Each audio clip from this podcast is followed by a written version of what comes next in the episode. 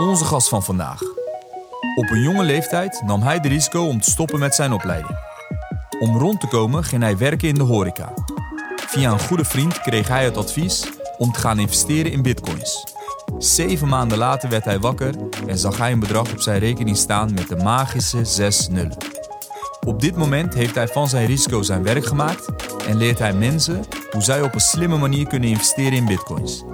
Wil jij meer weten over de wereld van bitcoins en waarom het op dit moment sky high gaat? Dan wil je deze podcast absoluut niet missen. We hebben het over niemand minder dan Miet Curves. Yes, daar zijn we weer.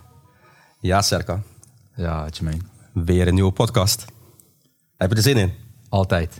Mooi, mooi. Ik heb er ook heel veel zin in. We hebben vandaag een hele leuke en bijzondere gast aan tafel. Met ook een, eh, weer een heel mooi, bijzonder verhaal. Onze gast van vandaag, Miet. We gaan vandaag met jou in gesprek over heel veel verschillende dingen. Maar met name over eh, jouw verhaal in bitcoins. Ehm, kan je jezelf even kort voorstellen voor de luisteraars? Vo- Voordat we beginnen, Jermaine, heb je, eh, doe jij iets met bitcoins of niet?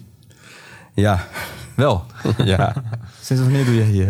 eh, Ik, ik ben echt die krijmotief van de bitcoins. Weet je wel. Dus ik heb op advies van eh Fahid, ja? die ook een paar podcasts eh, geleden aanwezig was, Ja. heb ik eh, een keertje, wat is het, 500 euro erin gestopt.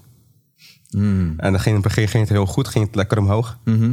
Dus ik bleef maar kijken naar mijn telefoon, verslavend. Mhm. En toen eh, crashte het. En toen dacht ik van, oké, weet je wat, dit is niks voor mij. Maar daarom heb je zin in, in deze podcast. ja, Oké. misschien moeten we die 500 euro een keer verhogen. Denk het ook, ja. Eh, ja, ik ben dus Miet Kurs, 25 jaar oud. Ehm, zit nu bijna vier jaar in de, eh, in de Bitcoin, in de crypto community. Ehm, ooit begon met 190 euro, op aanraden van, ook van een vriend. Ik weet, ik weet nog hoe het eigenlijk bij mij begon is, wij zaten eh, in een restaurant. Ik had toen heel weinig geld en hij zei tegen mij, hey Miet, voor, de, voor het diner kopen we één Bitcoin. En aan het einde van het diner verkopen we die Bitcoin en met de winst die we hebben betalen we het diner mee. En we hadden 40, 50 euro winst. Maar je moet weten, ik werkte toen in de horeca als burgerflipper. Dus om geld te hebben verdiend tijdens het eten zonder iets te doen, was voor mij wow. ja, en toen begon het en eh, sindsdien gewoon keihard doorgepakt. Maar vier jaar nog maar, hè? Ja, kijk, normaal gesproken is het na het vier jaar nog maar. Maar goed, de bitcoin bestaat ook pas 12 jaar. Ja, precies. Dus eh, maar voor mijn gevoel veel langer. ja, weet je wat het is in de bitcoin? Er gebeurt zoveel in zo'n korte tijd, dat als je eigenlijk zegt van, ja, ik zit een jaar in een bitcoin, lijkt het heel kort, maar er gebeurt zoveel in een jaar. Dus het is, het is eigenlijk gewoon 10 jaar. Ja. Je zou het bijna corona kunnen noemen. Ja, inderdaad, ja, ja, ja, ja. Nee, maar eh, eh, vier echt hele toffe jaren waar ik super veel heb eh, kunnen leren. Dus eh, ja. Nou, dan ga je vandaag ons in meenemen. Ja. Maar eh, neem ons mee vanaf het begin, Miet. Wie, wie ben je? Waar kom je vandaan? Waar ben je geboren? Laten we het daarover hebben. Ehm, geboren in Amsterdam. Op mijn tweede verhuis naar Den Haag. Ehm, in, in een goede buurt opgegroeid. eh, niks te klagen gehad. Ehm, hij hield heel veel van spelletjes spelen. Ook een spel genaamd RuneScape. Nou, eh, dat was echt voor mij mijn verslaving. Zo'n verslaving eigenlijk dat mijn schoolprestaties altijd onderleden. En op een gegeven moment zei mijn moeder ook van... Hey, weet je wat? Ik kom, op een dag kwam ik thuis en ik zag dat internet, internetkabel was doorgeknipt. Eh, weet je, zo'n classic, eh classic verhaal. Dus gewoon Echt gedaan, ja. ja, ja, ja. ja. Nee, gewoon, joh. gewoon, je stot gewoon. Ja, mijn, mijn prestaties waren echt slecht. Maar eh, mijn moeder had natuurlijk gewoon het beste met me voor. Dus op een gegeven moment zei ze tegen mij van... Hey Miet, jij gaat nu naar buiten, je pakt je schoenen en je gaat een baan vinden. Maar ik was 13. Dus ik ging toen de tijd naar mijn goede vriend Scott. Die woonde een, een straatje verderop. En ik zei tegen hem van... Yo Scott, we moeten een baan vinden man. En hij zei... Ja, ik ben ook uit, uit huis getrapt. Ik, ik kim ook te veel. dus zaten we daar als, als jongetjes van 13. Eh zijn toen naar de Albert Heijn gegaan. Hebben ook een baan gekregen. Dus nou, dat is toch best wel knap op je 13 als vakkenvuller werken. En we begonnen 300, 400 euro te per maand te verdienen. En je moet weten, als 13-jarige, je voelt je gewoon miljonair. Want je kan gewoon games eh, halen, je kan snoep halen, eh, cola, whatever halen, zonder aan je ouders iets te vragen. En dat was voor mij eigenlijk begon toen een beetje van... hey, ik moet gewoon financieel onafhankelijk worden. Want dan hoef ik ook niet meer aan mijn ouders te vragen of ik iets mag halen. En toen dacht ik van, je, dat game en zo is heel leuk... maar dit is volgens mij gewoon het ding. Ehm, eigenlijk de, de, de jaren die na, na kwamen... had ik eigenlijk ook helemaal niet meer interesse in school. Eh, begon uiteindelijk op het HVWO op een middel- middelbare school. Ben toen helemaal gezakt naar de MAVO. En dat was niet omdat ik het niet kon of wat dan ook... maar ik realiseerde me al snel van... Hey, dingen als sterk van Pythagoras en zo is leuk... Hè, maar ik, het is niet nodig voor mijn einddoelen. En op een jonge leeftijd al je einddoelen te, te kennen is een hele zegening, omdat je daar dan effectief naartoe kan werken. Maar wat ik ook altijd heb gerealiseerd van sinds jonge leeftijd is ehm, het doel wat jij in je ogen hebt, hè, het plan wat jij in je ogen hebt, je kan niet van uitgaan dat andere mensen dat ook zien. Dus waar andere mensen tegen me zeiden van ja, waarom hou je zo slecht cijfers op school? Ik zei ja, ik ben nu hiermee bezig. Ehm dus na het uiteindelijk de, MAVO afgerond. Eh, uiteindelijk mocht ik dus naar het mbo toe. Nou, dat was toch een beetje een bammer. Ik dacht van ja, ik kan meer, maar goed, prima. En om mijn achttiende eh, ben ik verhuisd naar Apeldoorn. En naar Apeldoorn, andere kant van Nederland. Omdat ik eigenlijk ehm, heel graag op mijn, in mijn eigen schoenen wilde zetten. Is gewoon om, op mezelf kon staan. Eh, eh, zelfstandig zou worden. En ik zei ook altijd van... Hey, als je zelfstandig wilt worden, maar je woont nog bij je ouders... Die twee dingen gaan niet bij mij. Want je ouders, bij ouders wonen is altijd een vangnet. Als je geen geld hebt, dan kun je altijd nog naar je huis... om te eten en dan heb je een dak boven je hoofd. Maar ik wilde gewoon echt zelfstandig en volwassen worden. En als je op jezelf woont en je hebt geen geld, want je hebt niet genoeg gewerkt of je hebt je geld uitgegeven aan dingen die je nodig hebt, zoals kleding, hebt, eh, dure kleding, wat dan ook, dan heb je ook gewoon niks. En zo leer je echt groeien als persoon. En ehm, nou, uiteindelijk de MBO goed afgerond, ben ik naar het HBO gegaan en toen begon het eigenlijk pas. Want op het HBO kwam ik daar en ik dacht, hé, hey, ik ga eigenlijk op mijn eigen niveau een beetje beginnen te leren. en ik zat daar in die schoolbank en ik, ik zat op een gegeven moment om de dag om me heen te kijken en ik dacht van, hé hey, jongens, volgens mij zitten we gewoon allemaal in een boot. In een boot in de zin van, haal je diploma. Zorg ervoor dat je in de tussentijd ook nog lekker een schuld opbouwt bij Duo. Daarna zorg ervoor dat je het diploma aan banen houdt hè, waar je lekker in kan doorwerken, maar waar je eigenlijk niet heel erg tevreden over bent. Neem daarna nog eens een startershypotheek waar je nog meer in de schulden komt. En begin dan aan de red game. Is dit achteraf of op dat moment dat je dat... dat, nee, op dat moment ook al. Maar al op je dertiende al beseffen? Ja, want je, je ziet wel een patroon bij jou. Ja. Ja, ja Het onafhankelijk willen zijn. zeker. Waar kan komt dat ik- vandaan? Maar nee, ik- en ik kan me niet voorstellen dat het komt doordat die kabels zijn eh, geknipt. je op dat moment denkt van oké, Ja. Nou kijk, eh, eh, waar het echt vandaan kwam, is vooral door mijn moeder. Mijn moeder heeft het altijd in mij geprent. Ze zei altijd van wees onafhankelijk, wees onafhankelijk. Afhankelijk zijn van iemand of van iets is niet goed. En waarom heeft dat bij jou zo eh, in geprent? Nou kijk, mijn moeder is hier van naar Nederland gekomen met niks. Ehm, en als je van Marokko naar Nederland komt met niks, waar je niet de taal kent, niet de cultuur kent, niet de mensen kent, geen familie kent, want ik heb ook geen familie in Nederland. Zij stond er alleen voor. Maar heeft uiteindelijk wel een hele mooie onderneming kunnen bouwen in Nederland en echt is, is echt groot geworden. Wat heeft ze precies gedaan? Ze heeft een taalinstituut. Ja, dus ze begon ooit, eh, toen ze naar Nederland kwam, eh, met, met, met pannenkoeken bakken, eh, wat dan ook. Uiteindelijk is de Franse les gaan geven, gratis. Toen 5 euro per uur eh, vroeg ze voor Frans lessen. En op een gegeven moment vroeg, is, werkt ze nu bij de Leids Universiteit voor ambassades, voor ministeries. Dus echt naar het, het hoogste niveau in Nederland kun je. Ja. En ehm, ik zag het van, hé, hey, mijn moeder heeft dit kunnen doen met eigenlijk vanaf scratch. Ja. Maar ik woon in Nederland, ik spreek de Nederlandse taal, ik heb de cultuur, ik heb het netwerk. Dus waarom heb ik dat diploma nodig? Waarom kan ik het niet gewoon zelf proberen zoals mijn moeder? Maar dan, ik heb eigenlijk al een head start. Het is waar heel veel mensen zeiden tegen mij van hetgene wat jij doet in het leven is een risico. Ik dacht van nee, maar dat is helemaal geen risico. Mijn moeder heeft een risico genomen. Als het bij mij niet goed gaat, dan kan ik altijd weer terug naar school. Ik kan altijd weer een baan vinden. Ik kan altijd weer iets opnieuw beginnen. ja. En uiteindelijk heb ik inderdaad ook voor gekozen om na een half jaar met mijn HBO gewoon te stoppen met school. Ik ging gewoon mijn eigen ding doen. en zat je daar in Apeldoorn. Eh, nee, dus dat was na Apeldoorn. Apeldoorn heb ik daar het eh, ROC gedaan, Aventus. Toen naar Den Haag verhuisd. Terug? Eh, ja, terug was naar Den Haag, maar op, op school gezeten in Amsterdam. En na een halfjaartje inderdaad gewoon gestopt met mijn school. En eh, Maar terug naar je ouders? Of, eh, nee, altijd op mezelf oké. Ja, Dus ja. vanaf je achttiende ben je ook gewoon... ben ik ook al- altijd op mezelf gehoord. Ja, Maar je, je, je zit daar in de klas. Je ziet inderdaad van oké, we zitten in een eh, systeem gevangen. ja, zo voelde het. Ehm, je vertelt dat aan je klasgenoten. En een half jaar later Ja. ben je weg. Was het echt zo'n makkelijke keuze om die stap te nemen? Of kwam er wel meer bij kijken? Nou, ik had het toen eh, als eerste verteld aan mijn leraar, Redda. En eh, hij, hij gaf mij les en hij, zei, hij fluisterde toen in mijn oor van... Hey Miet, heel eerlijk, als jij jouw doelen wilt behalen en echt wat ondernemen en groter worden... dan hoor je hier niet te zitten. Jij moet gewoon het, echte leven ingaan en gewoon vallen en opstaan. Zo leer je het. Op school leer je juist om niet te veel risico te nemen. Echt hard vallen, dat gebeurt niet echt. Maar als je inderdaad echt naar buiten gaat, gewoon gaat proberen en op je bek gaat opstaan, weer op je bek gaan leren, reflecteren, doorpakken, dat is hoe je groeit als persoon. Dat is wel een heel mooi advies die hij eh, eigenlijk heeft Zeker, gegeven. zeker, zeker. Ja, maar je moet het ook aannemen van hem. Dus hij heeft blijkbaar een bepaalde indruk op jou gemaakt... Ja, waarin jij dat wel aanneemt. ja.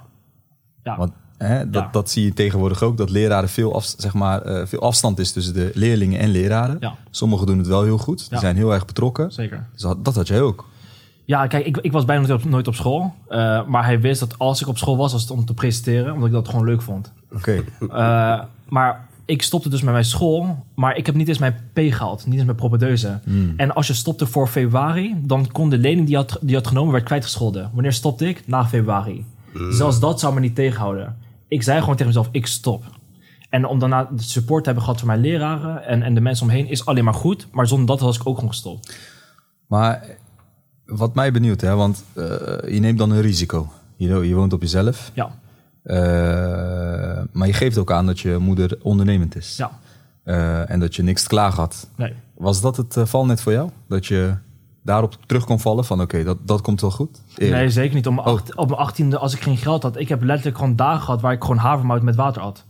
Oké, Er zijn geen cheatcodes in leven. nee. Nou ja, goed, had gekund. Nee, Ja, als, je, nee. als je het hebt over een... eh, want eh, dat, kijk. dat, Ja, je. precies. Kijk, je? wat hij net zei tegen mij is, is het leven is een spel, zo is het ook voor mij. En het is net als GTA spelen met cheatcodes. Maar het is leuk misschien in het begin, maar op een gegeven moment denk je van dit is te makkelijk. Hmm. Ik wil juist de, de moeilijke weg opgaan. En uiteindelijk is het inderdaad goed gekomen. Waarom? Ik, ik geloof altijd in mezelf. Ik wist dat als ik even in een dipje zit, Hmm. dan komt het wel goed. Want om daarna terug te gaan op mijn 18e en daar op, op mijn 22e toen ik stopte met school, of 21e, sorry. Ik stond er dus daar buiten, school. En ik dacht van, hé, hey, gewoon met mijn rugtasje. Het voelt net als weer die 13-jarige jongen die een baan ging zoeken. Nu zit gewoon, hé, hey, ik zit nu in de wijde wereld, school gestopt. Het is nu gewoon alles of niets. Er is geen plan B. Het is plan A en dat gaat lukken. Dus ik ben toen uiteindelijk eh, manager geworden in een, in een restaurant. Eh, ben toen ook verloofd geweest op 21ste. Ook nog, eh, ook nog eens. Had huisje, boompje, beestje. En ik dacht van, hé, hey, dit is gewoon de game. Ik, ik, voor mijn gevoel had ik het gewoon uitgespeeld. Hè? Je, je, had, je had alles op zo'n jonge leeftijd. En op een gegeven moment eh, kwam ik terug, eh, ging eens een keertje weer werken bij het restaurant. Ik kwam daar naar binnen en die manager zei, hey, kom even zitten. Nou, je voelt hem inderdaad al aankomen. Hij zei, eh, dit is jouw laatste werkdag. Ehm, we stoppen ermee. En ehm, ja. Wat was de reden? Ehm, er, was, het, het was niet, er was niet echt een reden. Nee, het was meer... eh, er was iemand anders aangenomen. En die zou mijn plek hebben overgenomen. Alleen diegene zat dichter bij eh, eh, de eigenaar. Nou, prima. Dus ik moest daarvoor vallen. Ehm, een paar weken daarna ging ook nog eens mijn flowing kapot. Dat had ik ook niet meer. En ik was net gestopt met mijn- school. Ik zat in, in, in een groot huis die ik ook niet meer kon betalen. Ja, toen zat ik echt van, wow, wat? Eh, Zeg maar, Want ik, wil- ik wil even teruggaan naar, die, naar dat ene moment. Ik zie jou daar inderdaad als, als jonge man staan. Ja, Met heel veel dromen. ja, Met je rugzak. Je gaat op reis. juist. En dan vervolgens eindig je in een restaurant. Die twee voel ik niet helemaal. Want ik denk dat je dan wel, als jij stopt met school, maak je een hele grote keuze. Ja, Ehm, dat je ook wel bepaalde dromen of doelen had die je wilde realiseren. Of was jouw doel gewoon puur werken? nee, ik realiseer me ook dat, dat de dromen die ik heb gehad en doelen die ik heb gehad, dat, dat je daar kom je niet zomaar. Ik realiseer me ook dat je af en toe inderdaad een stap achter naar achter moet nemen. En dat was zeker niet het restaurant. Want het restaurant, ik werkte daar maar drie, vier dagen per week. Ik verdien daar goed salaris om daar van rond te komen met z'n tweeën. Ehm, en de rest van de drie dagen is, is, is gewoon, eh, kun je gewoon bezig zijn met je side hustle. En je kan niet zeven dagen per week eh, bezig zijn met je side hustle als, als je niks En wat was het voor jou? Eh, voor mij was het inderdaad vooral denken over, over mijn onderneming. Toen met mijn goede vriend Shaquille, die mij uiteindelijk ook in de Bitcoin heeft gebracht. Het was inderdaad autoreis openen, scooters leasen, t-shirts. eh, weet je, gewoon, gewoon iets van, eh, van, van de, eh, zulke ondernemingen. Ehm, maar nooit van gekomen. Bij ons is het als letterlijk eh, ideeën zijn waardeloos als je niet uitvoert. Juist. Gewoon, gewoon letterlijk. Dus echt van alles geprobeerd. Niet eens. Niet eens. Het, ble- het, bleef, het, het was gewoon Puur fantaseren. praten, ja, maar. fantaseren inderdaad, ja. Maar wel gewoon doorpakken. Ehm, en dan zit je daar uiteindelijk daar inderdaad worden ontslagen eigenlijk. En dan alles verliezen in een korte tijd. En dan moet je natuurlijk echt vertrouwen in jezelf hebben. Want je kunt je voorstellen dat iedereen om me heen toen tegen me zei van... Ja, nou, je hebt het geprobeerd, ga maar weer terug naar school. Mhm. Nee, ga, ga maar, ga maar dat zetten. Maar ik dacht van nee. Nee, nee, dit is plan A. En plan A ook, gaat ook gewoon lukken. Dus ik ben toen tijd inderdaad eh, eh, gaan werken in, in Amsterdam bij Plein 4045. Burgers gebakken. Eh, als je het hebt over ambitie, inderdaad, dat, dat was niet mijn ambitie. Maar ik snap ook dat je af en toe eh, dingen moet doen die niet op jouw pad staan om uiteindelijk bij je doel te komen. En dat was in dit geval eh, eh, dat. Hè. Ik voel mij niet te vies om sommige dingen te doen. Maar wel in in etens, foodbranche, zeg maar. Eerst ga je als hè, werk je in een restaurant. Ja, ja, en ik, vervolgens ga je burgers bakken. Ja, zeker. Ja, ik, het is gewoon heel laagdrempelig werk. Ja, je hoeft er niet te veel over na te denken. En ik ben gewoon een doener. En als je gewoon keihard kan werken, kan je veel uren draaien en veel geld verdienen. Oké. Maar ik heb bijvoorbeeld nooit in sales gewerkt of wat dan ook. Nee. Ik voelde me nooit goed bij dingen verkopen waar ik niet achter stond.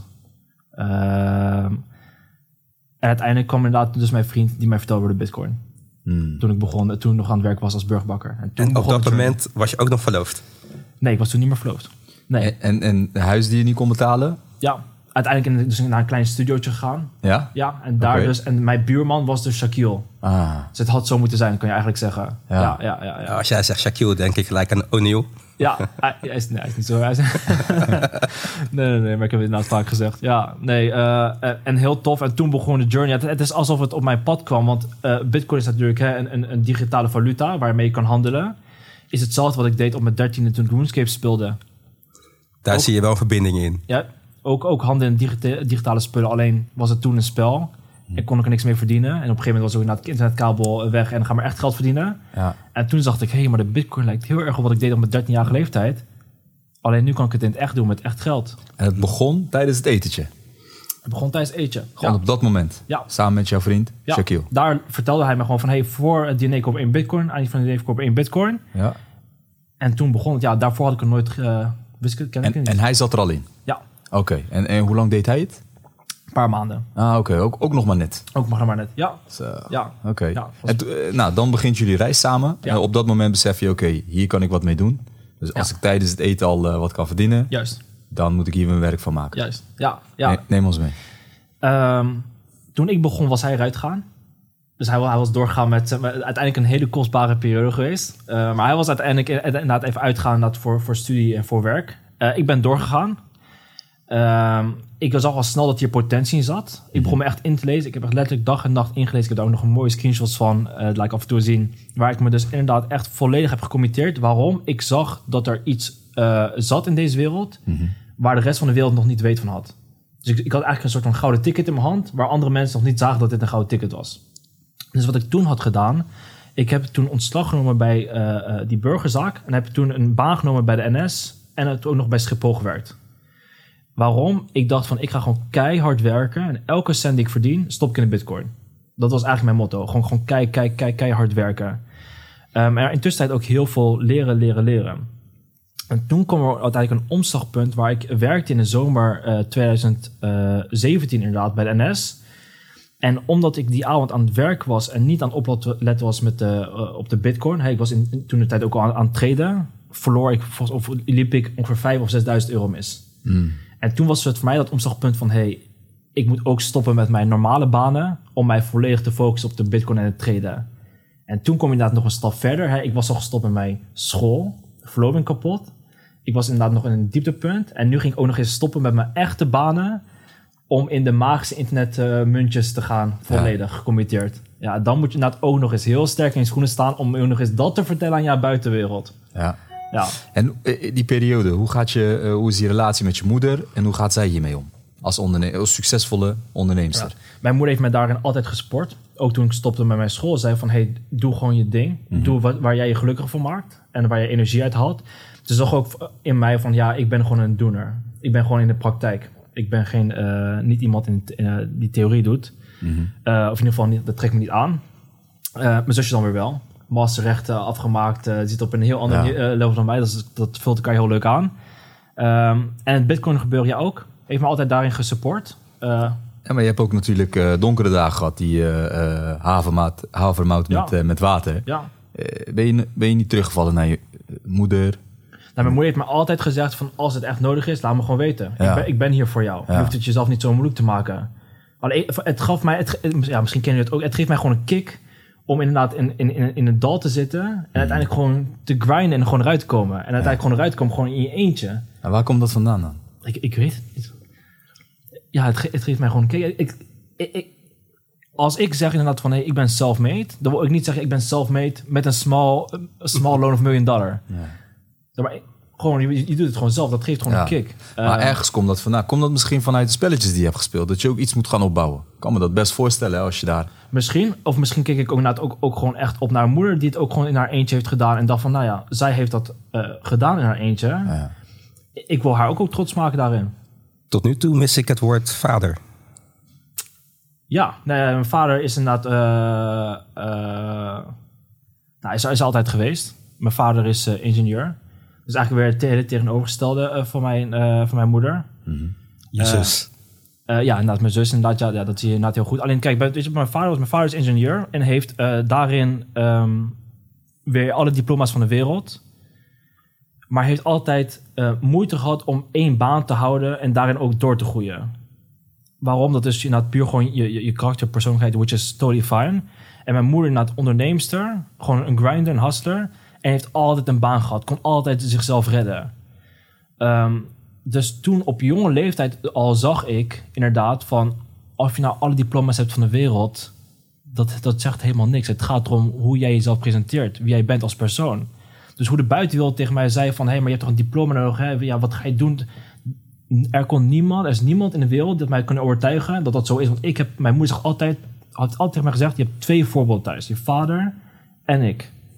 Kies zelf welk pad je wilt kiezen. Ja, ik heb mijn moeders pad gekozen, om, ja, een diploma zegt gewoon niks. Jermaine. Denk eens even terug. Je bent nu 38, 39. 38. 38. Sorry man. 13 jaar terug. Je bent 25 hè Miet? Ik ben nu 25, ja, klopt. Hoe was je op je 25ste als je dit zo hoort? Was je al zo wijs?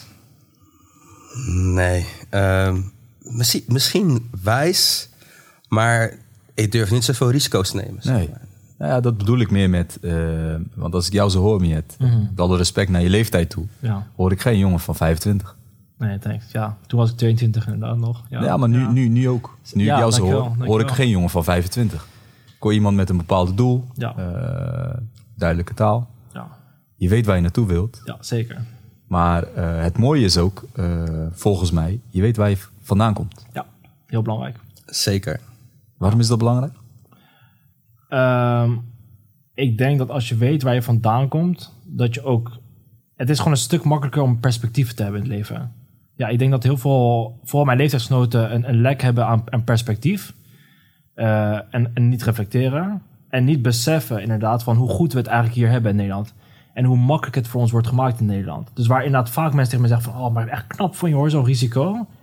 Ik denk van ja, ik weet Waar niet. heb je het over? Ja, van waar, ja, ik zie het echt niet als een risico. Ik denk van ja, maar er worden jou toch alle mogelijkheden ge- gegeven in Nederland om te falen en daar weer op te staan. Het is, gewoon- het is een zorgstaat toch? Het is niet Amerika waar je onder brug gaat leven.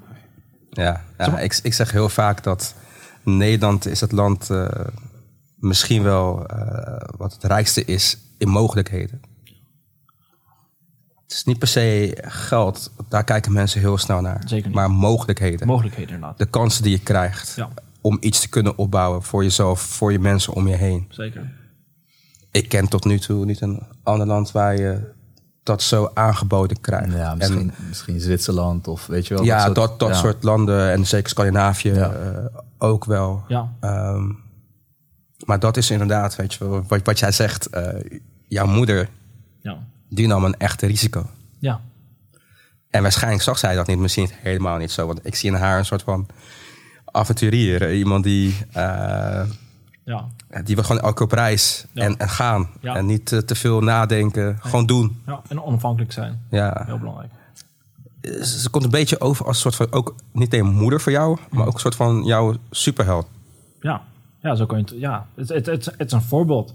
Zeker naarmate we naar dit, dit- deze podcast verder gaan. En dan komt straks nog een, nog een, een stuk van mijn verhaal. waar je echt gaat zien wat, wat de gelijkenissen tussen haar, en haar en ik zijn. Eh, ja, ja, maar het, kijk, ik, ik moet ook eerlijk zeggen, heren. Ik heb ook echt de luxe gehad om een hele toffe omgeving te hebben gehad. Ik heb, een, ik, heb, ik heb een goed huis gehad. Een, een hele toffe moeder die me altijd heeft gesport. Ik heb daarin vrienden ehm, die, op- die, waarmee ik kan levelen. En hoe wij hier met elkaar praten op, op, op een goed level, zo had ik het ook met, met, met, mijn- met mijn vrienden. Dus wij zijn ondernemers, wij, zijn, wij willen investeren. En ja, ik had niet mensen om me heen waarvan die de hele dag pot eh shisha willen roken of wh- whatever. Gewoon over dingen praten die niet te doen in het leven. We wilden, we willen allemaal omhoog gaan. Ja. Dus om nu ook bijvoorbeeld onderneming te hebben gestart waarin zij ook meegaan met mij, waarin we dit samen doen, ja, dit is, dit is gewoon één groot feest. Ja, Ja. precies. Dit is gewoon één, dit is echt tof. Ik, ik ga hem even terugpakken. Ik eh, hoor namelijk twee belangrijke eh, keerpunten. De ene zijn die kabels die eh, door worden geknipt, waarin jij zegt van ik ga. Ja, En de tweede is dat jij stopt bij NS Ja. vanwege de- een dag, zeg maar, dat Ja. jij 6000 Ja. euro misloopt. ja, Dat is ook weer een cruciaal moment. dat is een cruciaal moment geweest. Dus Ja, er moet iets gebeuren ja, wanneer je dat doet. Neem ons mee vanaf die 6000 eh, euro moment. Dat ook weer Ja. cruciaal is in Ja. jouw eh, Ja, nou kijk, carrière. Het, het, ging al goed met, met, met crypto. Mhm. Ehm, kijk, de, e- eh, eh, het eerste doel, dat zeg ik ook altijd in mijn workshop. Het, het enige reden waarom ik in de crypto ging, was omdat ik een mooie auto wilde halen. Dat was eigenlijk het, en- het enige doel. Ehm, welke auto? een S-klasse. Ja, dat was altijd het doel geweest, een S-klasse halen. Eh nou, ik, en, ik en Shaquille gingen altijd naar de Mercedes. Nou, we kregen nooit een proefrit. Ik weet niet waarom, maar eh, achteraf gezien misschien wel. maar we zaten altijd van, hey Shaquille, kom even zitten. Oh ja, dit voelt goed. Ja, ja. Nou, op een dag, op een dag. En binnen no time eh, had ik het verdiend. Door middel van traden. En toen zei ik te- tegen hem van, hey, gaan we het inderdaad uitcashen of gaan we door? Nou, we zijn toen doorgegaan. Toen inderdaad op een gegeven moment inderdaad had ik, dat, dat ik dat geld misgelopen. En toen dacht ik van, hey, weet je wat, ik stop ermee. Ik legde het aan mijn moeder goed uit en zei van, hey, let's go for it. Probeer het gewoon. Ehm, toen ehm, werkte ik daarvoor nog bij de NS en daar vertelde een collega van mij mij over een project genaamd LISK. En LISK is een, een, een, een heel cool project. eh toen de tijd heel veel over ingelezen. En toen op een gegeven, op een gegeven moment dacht ik van... hey, als ik mijn geld in iets investeer... wil ik ook echt weten waar ik in investeer. Is het heel, een heel groot fout bij mensen die investeren in crypto bijvoorbeeld... is gewoon puur uit onwetendheid. Hè, dan komen ze naar mij toe... ja, ik heb bitcoin gekocht. Oh, heb je echt bitcoins gekocht? Nee, ik heb eigenlijk al die andere kleine munten gekocht. Oké, heel cool. Wat heb je dan gekocht? Ja, dit, dat, zo. Ja, waarom? Ja, daar hebben ze geen antwoord op. Het is puur uit onwe- onwetendheid. Voor mij, mijn, mijn, mijn kracht was altijd dat ik net een stap verder ging dan de rest. Dus ik ben toen een paar keer naar Blijn gevlogen... omdat gewoon dat team te ontmoeten. Ik wilde gewoon die mensen ontmoeten. Wat bleek bij Lisk is, daar werkt een jongen, hoofdmarketing van Lisk, een Nederlander uit Rotterdam, van mijn leeftijd. En hij zei, wow, ben je helemaal naar Blijn gevlogen om gewoon het team te ontmoeten? Dat was toen nog een heel klein projectje. Ah, super cool. Ik uiteindelijk ook vriend met hem geworden. En hij zei tegen mij, hey Miet, er komt volgend jaar, dus begin 2018, iets heel cools aan. Dus wacht nog even. Dus ik dacht, oh, cool. Dus weet je wat ik heb gedaan? Ik ben gewoon all in gegaan op dat project. Ik heb gewoon alles verkocht aan wat, ik aan bitcoins had. Ik ben gewoon all in gegaan op dat project. Achteraf gezien zag ik ook altijd in mijn workshops van... hey, dit, is, dit was achteraf gezien niet een, niet een heel goed, een heel goed idee. Ehm, gewacht, gewacht. Uiteindelijk ehm, was het ook altijd voor mij heel belangrijk... van ik eh, besefte mij dat ik kennis had over de, de, de bitcoin en crypto... en op een redelijk makkelijke manier kon uitleggen aan anderen. Maar ik vind het altijd super egoïstisch om kennis voor jezelf te houden... waar andere mensen iets aan hebben. Dus dat deed ik vanaf dag één. Ik zei gewoon tegen mensen van... hey, kom naar mijn huis toe, pak je laptopje... en ik ga je samen leren over de bitcoin. Gratis, volledig, helemaal niets. ik, weet je, ik gun het een ander echt gewoon. En op een gegeven moment dacht ik van, hé, hey, maar cool, maar neem, mensen nemen dan, komen dan naar mij toe om te leren. En uiteindelijk komen ze naar huis toe, gaan ze naar huis toe en dan weten ze nog steeds niks. Dus wat deed ik? Ik had gelijk een WhatsApp-community opgericht, waar mensen nog samen konden leren. Maar dat werd groter, dat werd groter. En op een gegeven moment, eind 2017, had je natuurlijk een hele grote piek in de bitcoin die naar 20.000 ging. En op een gegeven moment ben jij het middelpunt. Dan zijn ze, oh, Miet, ja, van, super cool, van, wat, is, wat aan de hand, wat is aan de hand? De community werd groter, de community werd groter. En op een gegeven moment zei ook iemand tegen mij van... ja, Miet, volgens mij moet je gewoon geld vragen voor je workshops. Mensen zitten letterlijk tienduizenden euro's verdienen door jouw kennis. Maar jij, jij runt een charity. Niet eens, je, bent niet eens, ja, je, bent niet, je bent niet eens een stichting, het is gewoon letterlijk gratis. Maar ik vond het altijd heel eng. Weet je, kennis vragen, eh zo geld vragen voor jouw kennis. Hè? Van ja, ja vind, nou, doe maar een prijsje, weet je. Kijk maar, kijk maar. 20, 30 euro. Ehm, en, en wat bleek uiteindelijk? Ik, ik had toen, toen dat project gekocht van Lisk op 1 euro. En ehm, ik weet nog, ik werd eh, wakker in februari eh, 2018 op een, op een, op een ochtend. Het was een beetje aan het sneeuwen. En ik keek naar mijn portfolio. En wat gebeurde inderdaad? Ik was inderdaad boven de miljoen euro gekomen in mijn portfoliowaarde. Ja, Nee. En hoeveel, had je, hoeveel had je toen ingekocht? Ehm, hoeveel? ik had voor 30.000 euro aan Lisk ingekocht ongeveer. Ja. Maar dat is gewoon van, van één dag is dat gewoon omhoog gevlogen. Nee, ik heb daar eh, van september tot met februari. Ja, Oké. Ik heb daar... Je ging van die 4 nullen naar die 6. Ja. En Ja, hoe voelde dat? hoe werd je wakker? ja, dat voelde Dit, echt... dit is nog beter dan het nummer van Leo Kleine. Die, Ja. die, die, die ging slapen met een doezoe Ja. en werd wakker met een ton. Ja, nee. Eh, het, het, voel, het voelde echt letterlijk alsof je inderdaad gewoon een, een- cheatcode hebt gebruikt in GTA. Letterlijk. Het, het, eh, het voelde heel surreal. Het is Eh, heel mooi wat je nu zegt. Het voelde aan als een cheatcode, net als GTA. Ja. Dus het voelt dus aan dat je het niet verdiend Nee. hebt. Nee. Oké. Nee, eh, ja, nee. Nee. Nee, wa- wat heel vaak tegen mensen tegen mij zeggen van... Ja, je hebt geluk gehad. Ja, aan, kijk, aan de andere kant kun je zeggen van... Ja, je hebt wel daar gestaan op dat station. Je hebt wel daar gepraat. Je bent wel naar Berlijn een paar keer gevlogen. Je hebt wel Ja, connecties maar dat is het toch? Je hebt Sure. geïnvesteerd in je kennis, Sure. waardoor het geen gokken meer is. Nee, nee, dat gok sowieso niet. Gokken vind ik, vind ik een... Vind ik Nee, maar ook het beleggen. Heel veel mensen beleggen. Ja. En ik zie het als gokken. Dus ze stoppen ergens geld in omdat de buurman heeft gezegd, je moet daar... Nee, precies. Ik heb er, nee, maar, maar je hebt ook beleggers die inderdaad, het is echt letterlijk hun werk. Ja. Eh, ze lezen zich continu in. Ja. Eh, Ja, dat was ik ook. ja, ja. En, en dat zorgt ervoor Ja. dat je het verdient. Ja. Maar toch voelt het niet zo aan. Nee, nee, omdat ja, weet je, je bent gewoon acht maanden daarvoor ben je nog gewoon nog steeds gewoon burgers aan het bakken. Dus je van ja, maar weet je van ja. Ja, Oh, wacht even, wacht even, wacht even. Voor mijn, eh, voor mijn duidelijkheid, Miet. Je wordt wakker, wakker. je wordt wakker ja, en er staat een miljoen. Ja, Gewoon vanuit niks. ja. Je zegt het is surreëel, maar wat doe je? Op dat moment, wat doe je? Wat, wat, wat doe je? Schreeuw je in jezelf, doe je kussen over je? Wat, wat doe je? Neem ons gewoon mee. Huh? Met tanden poetsen. nou kijk, eh, mensen die, die, die dit gaan luisteren of die in crypto zitten, die weten dit als ik zeg van hey, cijfers lijken. eh, in crypto weet je, het zijn gewoon cijfers, maar het, het komt niet echt bij me aan. Maar ik ga je zeggen wanneer het toen bij me aankwam. Ik had toen sowieso als eerst mijn moeder gebeld. Zei, oh, dan zei ik gewoon, oh. die, was- die was heel blij. Maar ehm, wat deed ik? Ik had dus verteld inderdaad over die S-klasse. Mhm. Ja, nou, uiteindelijk geen S-klasse gehaald. Want ik dacht van, niemand gun mij een proefrit. Dus ik, ik ga ook geen S-klasse halen, weet je. Dan eh, rot maar op.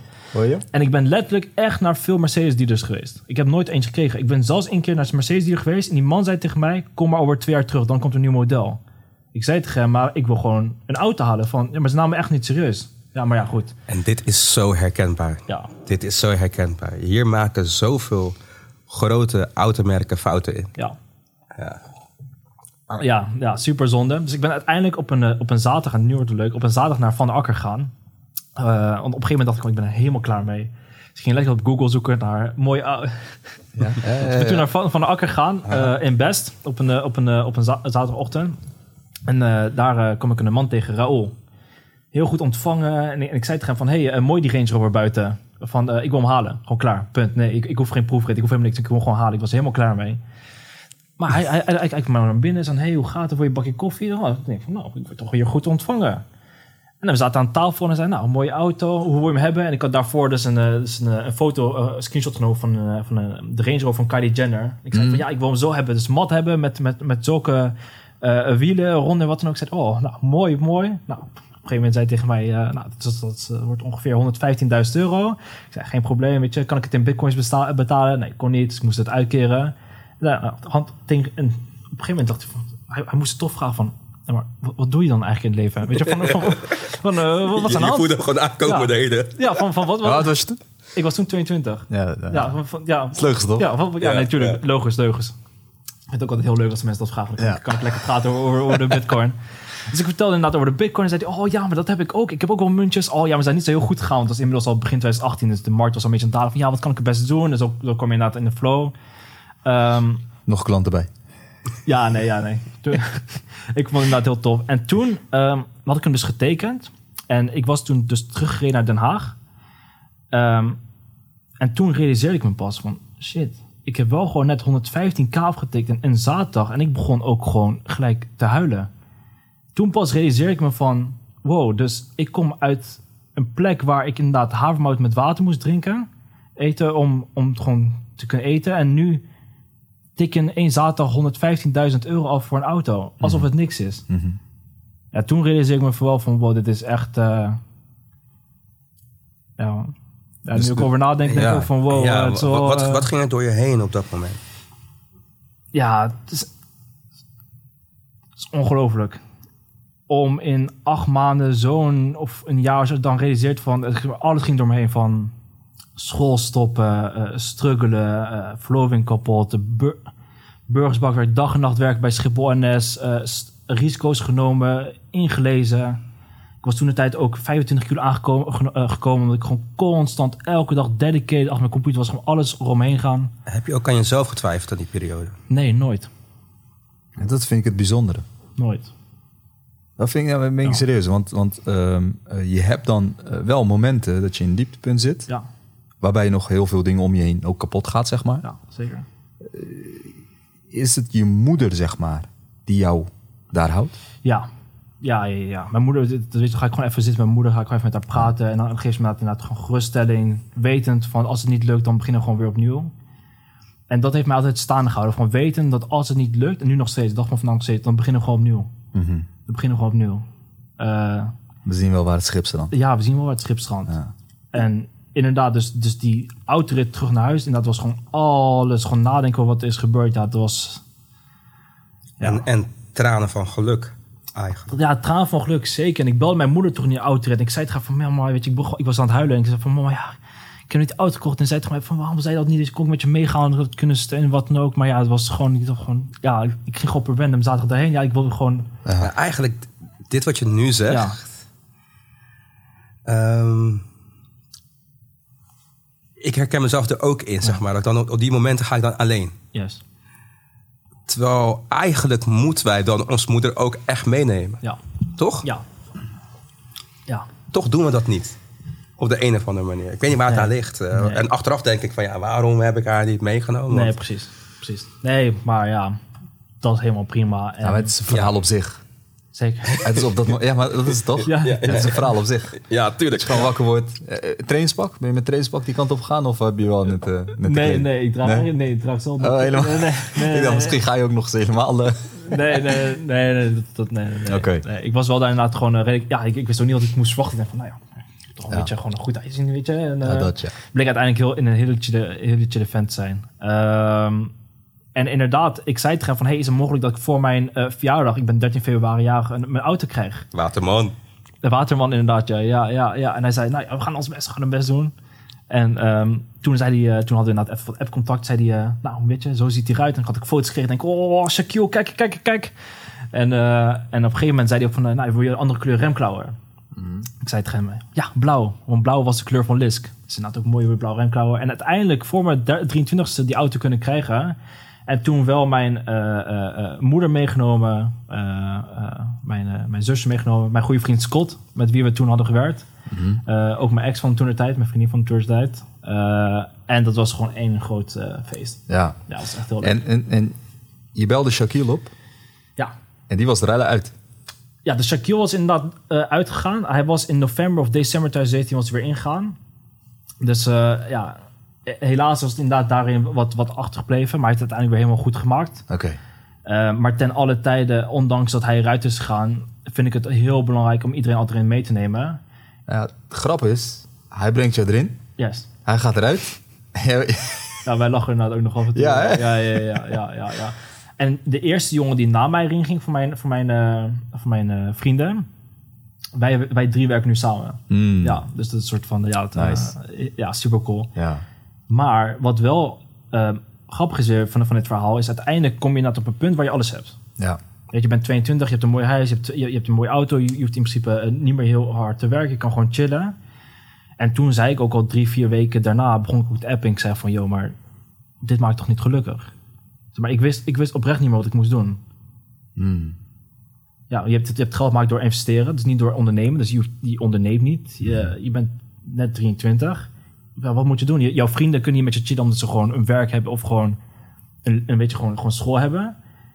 Ik, ik zat met mijn auto daar en ik, ik begon op een gegeven moment gewoon rondjes rijden in mijn buurt en ik ging koffie drinken. Ja, ik wist gewoon echt niet wat ik moest doen. ja, maar leg dit Ja, maar eens ja, uit. ja, Als ja. aan Ja. een drie, kijk, eh, nu, het verhaal die je nu uitlegt. Ja. Leg dat maar eens uit aan een 23-jarige die bijvoorbeeld niks heeft. Die zou zeggen, ja vreemd, ik ga dit doen, ik ga dat doen. Ja, Maar jij zit erin ja, en jij zegt, na vier weken ben ik bij wijze van doodongelukkig. Want ja.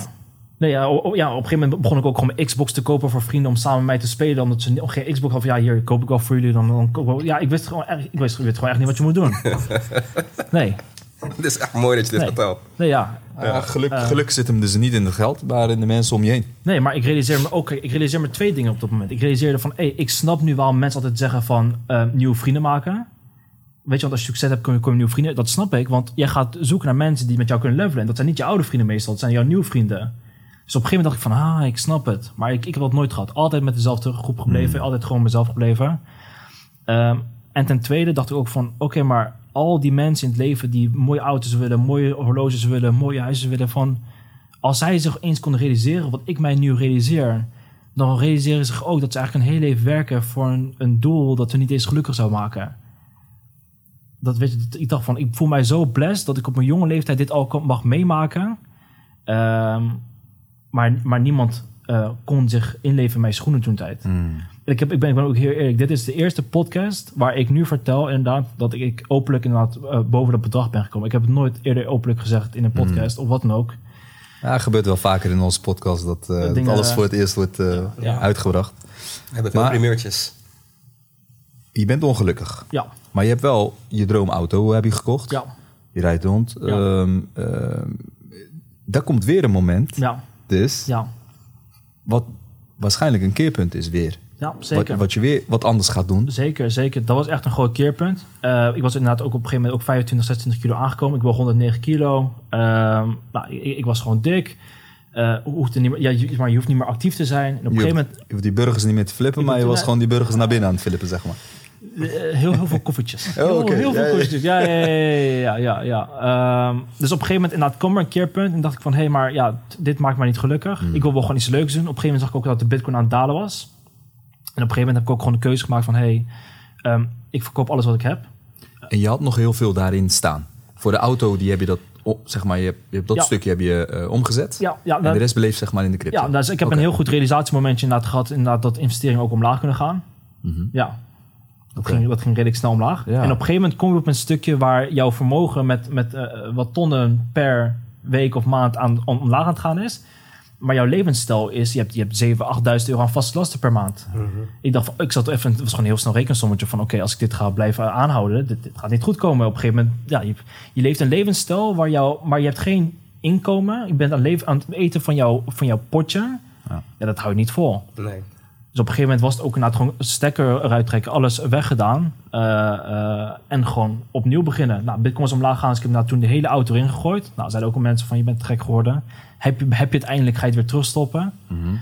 Ehm swapfietsje genomen. Ehm, begon ik gezond te, te leven. En begon ik te ondernemen. Dus eigenlijk dat, dat businessmodel wat ik toen had van dat workshops geven... ben ik toen echt gewoon gaan masteren. En dus echt gewoon cashflows voor mezelf aan gaan creëren. En toen realiseerde ik me van... Hey, passief inkomen genereren is volgens mij nu mijn volgende doel. Juist. Ja, Ik ben ook heel erg benieuwd naar die community, die WhatsApp-groep.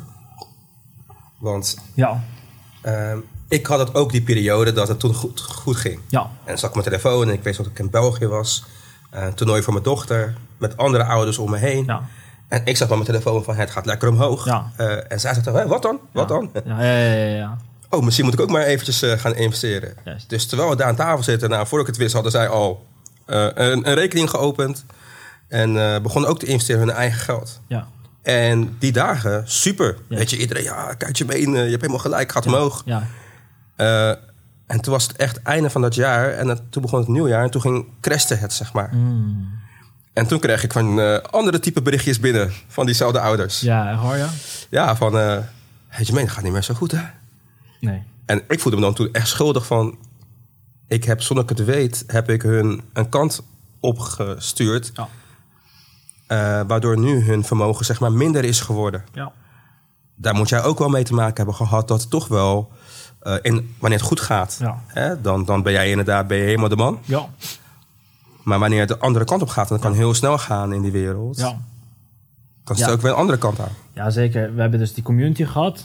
Eh, inmiddels zitten er nu 140 personen in. We hebben daarna de, de toppen meegemaakt, maar ook de dalen. Eh, maar wat wel altijd zo is geweest, is wij snapten de bitcoin.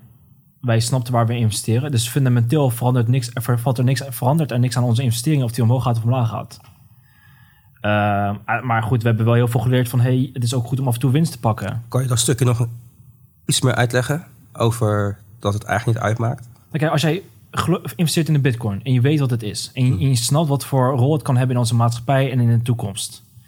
dan maakt het niks uit of die nou op 20.000 staat of op 3.000. Fundamenteel, wat het is, verandert niet door de prijs. Nee. Alleen de fout is bij mensen is dat hun vertrouwen in investering gebaseerd is op de prijs van de bitcoin.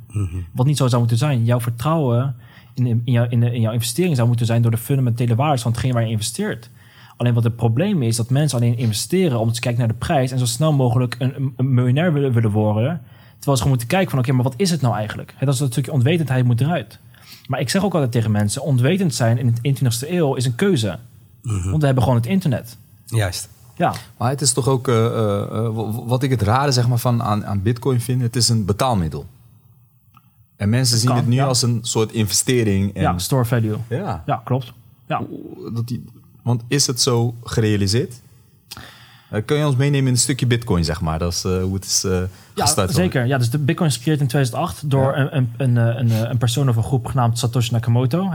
Pseudoniem. Tot de dag van vandaag weet niemand wie het is. Bijzonder. Ja, bijzonder. Ja. Super, super, super, super bijzonder. Wat ook heel leuk is, iedereen is Bitcoin. Iedereen is Satoshi Nakamoto. Ja. Het kan iedereen zijn.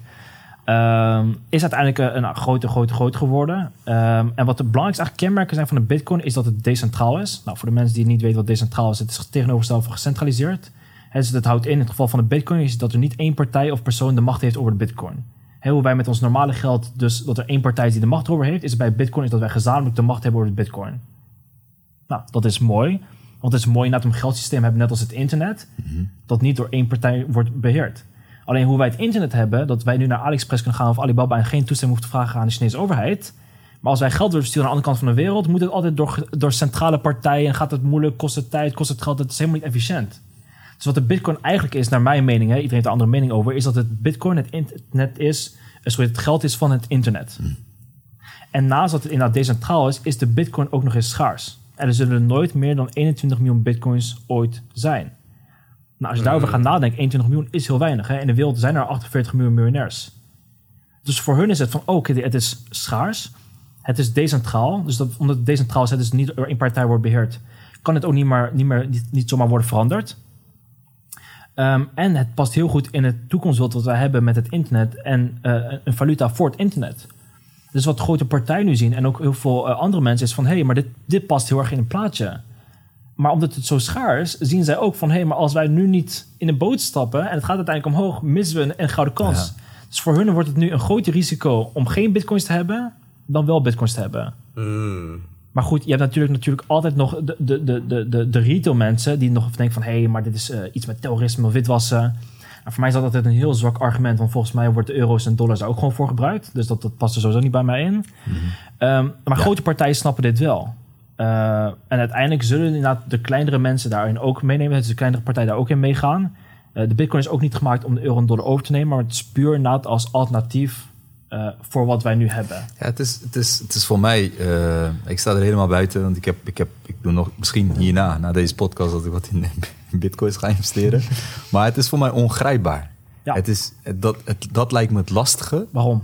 Ja, dat is het dus. En dan denk ik bij mezelf, waarom? Ja, als ik mijn geld op de bank zet, dan staat er ook cijfers op, zeg maar, op, mijn, op een rekening. En dan, ja, Wat is dat waard? ja, wat is dat waard? Dus eigenlijk is ja, het, alleen slaat je, je hebt wel een bepaalde zekerheid dat Ja, het er wat morgen ook op staat. Zeg Maar. Wat Is is dat de zo? zekerheid dan? Ja, eh, kijk, tot nu toe wel. Dus eh, weet je, we gaan richting de 40. In Nederland. Dat is een stukje perspectief. Ja, Ja, ja, dat ik is- bedoel, tot nu toe heeft altijd, als ik morgen wakker word, dan staat mijn geld er nog steeds. Dus het, is, het is gewoon een zekerheid. Ja. Eh, Wordt wel elk jaar minder waard. Ja. tuurlijk, het wordt minder waard, eh, inflatie. Maar merk je dat echt? Ja, maar Jermaine, ik wil gewoon, ik wil gewoon een halve ton januari erop zetten. En juni wil ik de miljoen. Dat Ja, ja, maar oké, oké, dat, dat, dat is natuurlijk wat hij net ook aangeeft, wat de meeste mensen als gedachte hebben. Precies. Eh, Ja. Dus inderdaad, oké, ik wil heel snel naar de miljoen. Ja. Ja, maar de ik vind het mogelijk- super interessant wat hij net zegt, is van, daar gaat het eigenlijk niet om. Kijk naar, hoe ziet de wereld van de toekomst eruit? Ja. En geloof je daarin dat bitcoin daar een onderdeel van is? zeker. En een grotere invloed heeft? Ja.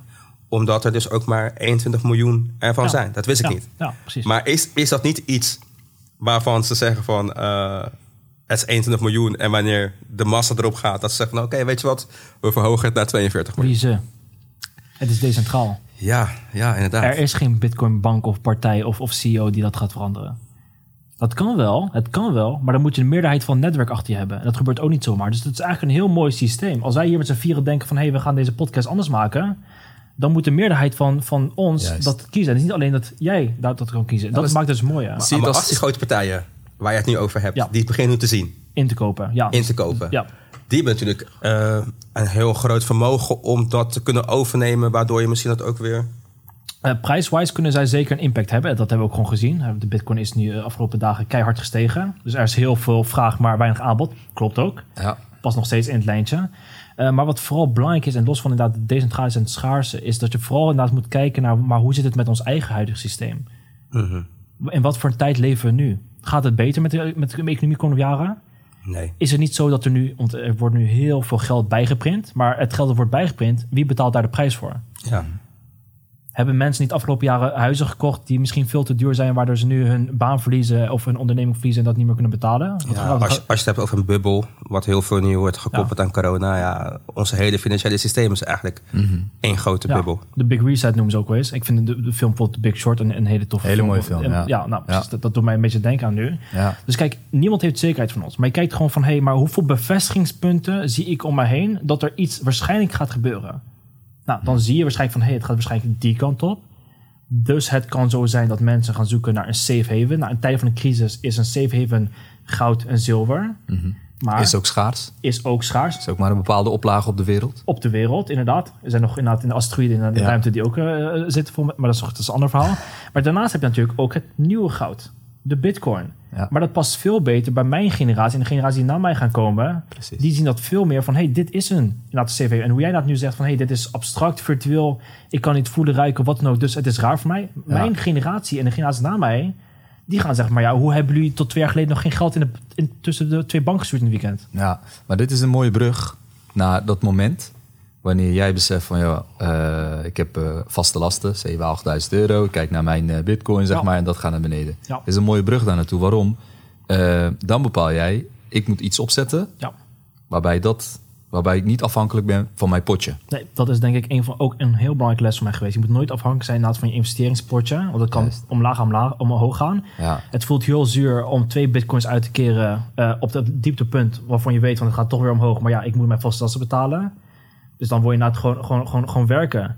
Ehm, het leuke daarvan is, is eh, januari 2019, toen het echt eh, nou, redelijk eh, slecht ging, ben ik ook gewoon weer terug gaan werken bij de NS. Ja, het verdiende goed. Het is, het is heel relaxed werk en eh, het voelt gewoon een beetje als thuis. Ben ik vanaf daar weer gaan grinden. Eh, en op een gegeven moment... En wa- wat is grinden, even voor onze luisteraars? Eh, in mijn geval was grinden inderdaad gewoon, gewoon, gewoon doorpakken.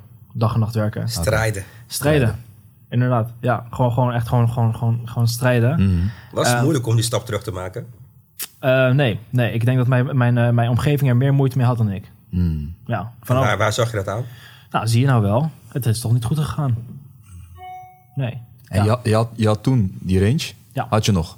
Nee, ik had hem wel verkocht. Oh, je had hem nee, ik had gewoon, net gewoon softfiets en, over, en een OV-chip kaart. Oké. Ja. oké. Maar zoals ik zei, ja, ik, ik hoef maar niet te bewijzen aan mijn buitenwereld dat het goed met me gaat. Nee, dat is niet jouw doel. Nee. Vooral op social media zie je dat van heel veel mensen vinden, vinden het moeilijk om af en toe een stap naar, naar, naar achter te nemen. Bollebol heeft daar, af toe, eh, heeft daar laatst een, een post over gemaakt. Dat vind ik heel knap. Eh, maar ik denk dat veel meer mensen eens af en toe een stap naar achter moeten nemen. En iets rustiger voor zichzelf moeten hebben. Anders hebben ze constant die last op hun schouders dat ze moeten presteren. Omdat ze dat, dat levensstijl moeten aanhouden. Terwijl het helemaal niet nodig is. En dat is ook wat, wat, wat je mee net aangeeft. Heb jij, zeg maar, en dan maken we even een stap, maar dan kan je ons meenemen in, dit, in dat eh, traject. Jij moet, heb je niet het gevoel dat jij continu moet presteren voor jouw klanten, cliënten? Ja, dat is, ja, dat, dat is, een, dat is een goeie. Ja, ik heb, ik, heb, wel- ik heb wel het gevoel dat ik het afgelopen vier jaar gewoon elke dag aan ben. Ja, ik heb, geen, ik heb niet het gevoel dat ik, dat ik een dag vrij heb gehad. Want kijk, i- i- i- jij begeleidt hun. En nu is het nog meer natuurlijk hè, met de workshops en natuurlijk ook met ons algoritme, waar misschien straks inderdaad ook meer over kunnen- komen vertellen. Ehm, jij bent hun speerpunt. En als iets aan de hand is in de Bitcoin-markt, kijken ze naar jou. Ehm, als iets niet goed gaat met het algoritme, of, of het gaat wel goed, of in beide gevallen, ze kijken naar jou. Ehm, en ik voel mij ook gewoon verantwoordelijk richting hè, wat jij inderdaad het had van inderdaad de prijs ging omlaag. Ehm, en zij verloren geld, maar het was wel, jij was een middelpunt. Eh, ik vind het, eh, eh, het voelt voor mij, het komt bij mij harder aan als een ander geld verliest inderdaad door mij, tussen haakjes, Ja. dan dat ik zelf geld verlies. Dat, zo voelt het bij mij. Zo heb ik ook, ook dat verantwoordelijkheidsgevoel. Dus je bent constant aan het presteren en je moet constant ben je gewoon aan. Ehm, wat again voor mij niet heel erg is. En, om- ja, ik, ik leef een topleven echt met heel veel leuke mensen omheen. Ehm, maar ik kan mij voorstellen dat mijn omgeving nou niet, al- niet, niet, niet altijd heel blij mee was. Van ja, maar ja, doe nou eens een keer je telefoon weg. Ja. Ja, want zit jij af en toe voor jouw gevoel gevangen in deze wereld? Ehm, ja, ik heb ook tijden gehad. Dat was eh, ja, februari 2020. Ja, dat was dit jaar nog inderdaad. Ja, ja, ja. ja. Net ja. een maand voor de corona Ja, eigenlijk. ja, op mijn verjaardag was dat, 13 februari. Waar ik echt samen met mijn vrienden... wat we deden is, we gingen eigenlijk een etentje houden. Eh ben ik met mijn beste vrienden gegaan. Maar dat was ook de dag dat de grote eh, crash was ingezet. Nou, toen tijdens het diner heb ik echt, echt buikpijn gehad. Gewoon, ja, crypto traders voelen het gewoon dat je prijs gewoon constant omlaag ziet gaan. En je, bent gewoon constant geld aan, aan het verliezen. En je- En je zegt het woord ingezet. Dat klinkt voor mij bijna over dat het gecreëerd is, zeg maar. Wat bedoel je? Dat, eh, dus in één crasht alles. Ja, Ehm, heeft te maken, met wat had het precies te maken? nou, de inzet misschien van corona inderdaad of andere indicatoren. Mm. Eh, maar de prijs ging omlaag. Ehm, En hard. en hard inderdaad. En wat ik daar, daarmee nou, probeer te zeggen inderdaad, ja, je krijgt buikpijn. En dat had ik ook toen in 2019, toen ik begon met, bij de NS werken. Van, je hebt veel geld verloren. Je hebt nog steeds een le- leuk smak geld, maar je bent wel gewoon veel geld verloren. Het is altijd minder winst, nooit verlies. Dat ook wel weer. Ehm, en je beseft je van, oké, ja, ik kan nu gewoon stoppen, want dat, die stress is voor mij te veel. Want het brengt natuurlijk met geld, met zulke bedragen, is, is gewoon constant stress. En mentaal moet je heel sterk zijn in je schoenen Zeker. om jezelf te blijven als jij ziet dat je 100.000 euro hebt verloren op een dag. Ja. Je moet gewoon echt, en ook, maar ook andersom, als je 100.000 euro op, op, op het Oh, hoe, hoe ben jij op zo'n moment? Wat, wat Eh, als je het één keer inderdaad ziet van... eh, Nou, eh, bij mij in het begin was qua emoties was het gewoon moeilijk. Dat, dat is echt, als je in de- in de crypto-wereld gaat, dan leer je jezelf echt kennen. Hoe, hoe mensen naar mij toe komen met- in een workshop van, ja, ik ben goed met emoties, ik, ik hou wel stand. Ja, ik, ik- je, je leert jezelf echt kennen als je in dit wereldje zit. Dus voor mij was het echt moeilijk. Ehm, ik heb echt zware dagen gehad, eh, mentaal. Heeft dat ervoor gezorgd dat een stukje relatie? Ja, Je hebt twee relaties, hebben we het over gehad. ja. Vriendin, ex. Ja. En daarvoor eh vloog. Ja. Heeft dat ervoor gezorgd dat, dat dat stuk is gegaan? Ligt dat aan jou of is dat iets persoonlijks? Ehm, het, heeft, het heeft zeker inderdaad, eh, ja, crypto heeft daar zeker een rol in gespeeld. Hmm. Ja, ja, moet ik wel zeggen. Inderdaad, eh zij inderdaad die toen mij meegaan in mijn crypto verhaal, heeft mij altijd supergoed ge- gesupport. Mhm. En altijd een heel goede va- houvast is geweest. Maar goed, het, het had zeker anders geweest als ik minder in crypto was. Ja. Maar ik, ja, ik kan niet even een, een, een paar dagen mijn telefoon opzij leggen. Dat, dat kan gewoon niet. Nee. Nee, dat, dat, dat is... Het is lastig uit te leggen, denk ik ook. Ja, dat, ja, in Nou ja, je snapt het wel, Ja. maar ja, in een markt waar dat 24-7 draait, dat ga- gaat om geld waar andere mensen op jou moeten bouwen. Kun je niet zeggen, ja jongens, ik ben even tussenuit. nee. Nee, dus het, het is eigenlijk... ehm, wat ik zie. Dus die, die gamer wat jij was op je dertiende. ja, Daar werd een kabel doorgeknipt. ja, Door je moeder. ja, Nu eigenlijk ben je weer een gamer. ja. En als ik het zo hoor, eh, zit je er echt in. Ja. Je kan er niet even eruit. En er is ook niet iemand die nu een kabel kan doorknippen voor jou. Nee, wat, maar wat wel zo is, is dat wij dus begin, eind, sorry, eind 2019, begin 2021 een algoritme, eh, tw- 20, algoritme hebben gebouwd. Dat de handelingen die ik normaal zelf zou moeten uitvoeren, waar andere mensen, die andere mensen ook normaal zelf zouden moeten uitvoeren, dat dat nu wordt gedaan door een algoritme slash bot zonder emoties. Want wij dachten van oké, al traden is leuk, maar niet iedereen is constant ermee bezig. Iedereen heeft ook een normaal leven. Af en toe moet je ook gewoon slapen. Dus je, bent niet je kan niet constant de prijs checken. Dus je bent eigenlijk een soort van vermogensbeheerder geworden, waarbij... Het, het algoritme verricht handelingen die Ja. jij normaal zou moeten eh, eh, eh, verrichten zonder emoties. Ja, ja. Ehm, en dat is uiteindelijk een, een, echt een, een gouden stap geweest. En vanaf welk moment is dat ontstaan? Ehm, eind 2019 zag ik op Twitter een, eh, een bericht van een, eh, van een eh, persoon genaamd Kitsune. En ik stuurde een bericht van, hey, cool algoritme. Ehm, wij gebruiken hem in mijn, in mijn community, die WhatsApp community. En want hij postte om de paar uur een update van, hey, wat doet het algoritme? Maar het was allemaal achter de schermen. En wij volgden gewoon zijn Twitter post. En op een gegeven moment ging hij op vakantie, of ik weet niet wat hij deed. En er kwamen geen berichten meer. En ik stuurde een bericht van, yo, maar wat moeten we doen? Want ik zit hier met 140 mensen die zitten te wachten op jouw Twitterbericht. En eh, op een gegeven moment zei hij van, eh, nou ja, weet je, ik zit te kijken of we misschien in 2020 iets eh, geautomatiseerd kunnen doen of wat dan ook. Zou het cool vinden om eens een keer daarover te sparren? Ik zei, ja, cool, want misschien kan ik het gebruiken voor, mij, voor mijn groepsapp, dat ik het gewoon zelf toegang kan hebben en dat we het aan hen kunnen geven. En toen zijn we daarin doorgaan en doorgaan. Hebben we dat opgebouwd voor de groepsapp inderdaad. Ehm, uiteindelijk zag we van, hé, maar dit heeft echt gewoon potentie. Hiermee kunnen we echt iets veel groters doen. En toen ehm, hebben we het doorontwikkeld, doorontwikkeld, doorontwikkeld. En in september 2020, dit jaar, zijn we live gegaan. En ehm, dat bleek echt een, g- een gouden, iets, echt Zet te zijn. een gouden zet te zijn. Je, je, je verandert mensen hun leven. De mensen hebben nu op een hele laagdrempelige manier een, een manier gevonden om passief inkomen te, cre- te creëren. Zonder dat ze daarmee bezig hoeven te zijn in een technologie waar het- waarin ze geloven dat dat iets wordt voor de toekomst. Maar ik kan me niet voorstellen dat jullie hier uniek in zijn. Zeker niet. Er zijn genoeg andere eh, eh, algoritmes daarin. Oh, nee, ik, heb, ik heb zelf nooit een algoritme gebruik- eh, eh, gebruikt. omdat ik, ik vertrouw het niet. Oké. Ik ga op internet, ik zie algoritme. Ik denk van nou...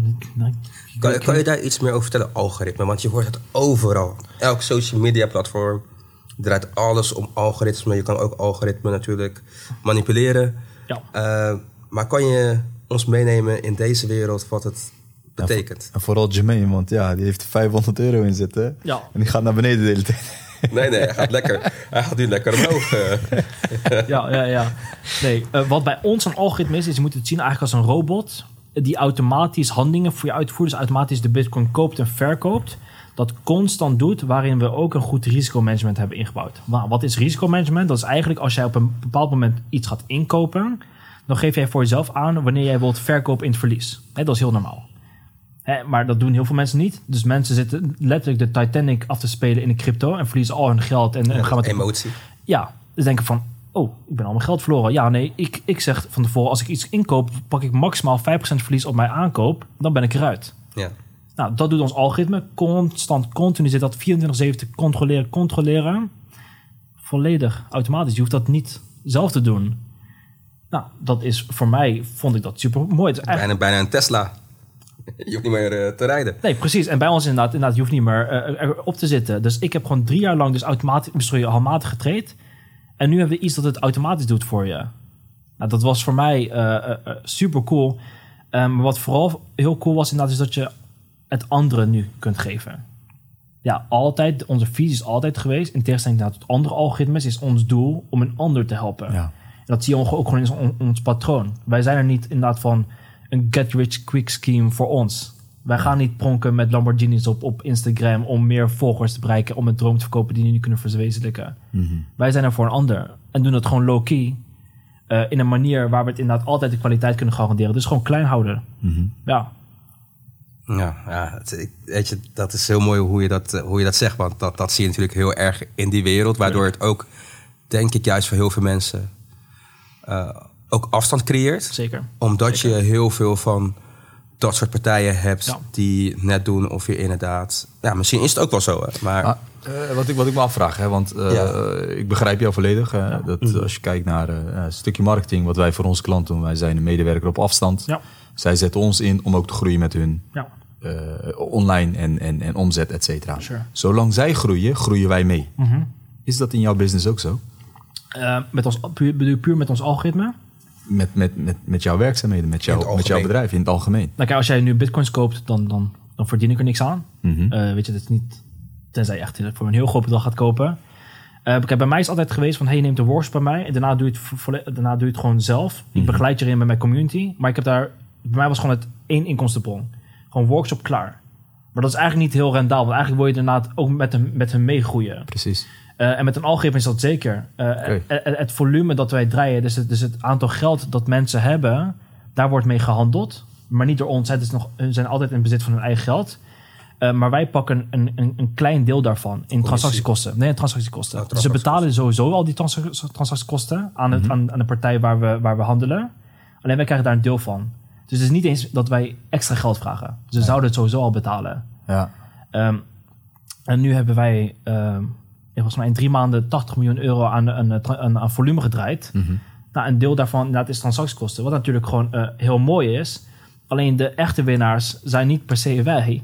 Dat zijn gewoon de mensen die gewoon hele mooie rendementen hebben be- behaald in ons, in ons algoritme. En als ik het zo zie naar jou, het is oprecht dat jij daar echt blij van wordt. Nee, tuurlijk. Afgelopen dagen heb ik zoveel toffe berichten gekregen van mensen die echt zeggen van ja, je hebt echt mijn leven hiermee kunnen veranderen. Ja, daar doe ik het voor. Ik bedoel, kijk, ik, ik heb dat ook altijd gezegd in, in, in, mijn, in mijn post is, als ik er morgen niet meer ben, dan zijn jullie mijn legacy. Niet mijn materiaal, niet mijn geld, dat is niet mijn legacy. Maar het heeft ook een keerzijde. Want het is toch geen garantie die je biedt? Nee, Dat- zeker niet. Nee, Nee, ik heb altijd gezegd van, dit, is, dit is geen financieel advies. En Nee. beleg alleen maar met geld dat je echt kunt verliezen. juist. Maar het risico dat jij neemt, is jouw winst. Wauw. Op een Ja. tegel deze. Ja? Zullen we hem beneden plaatsen? Ja, we toch aan het verbouwen zijn? Ja, ja, ik vind van wel. Ja, Ja. dat is het. Maar van wie is deze quote?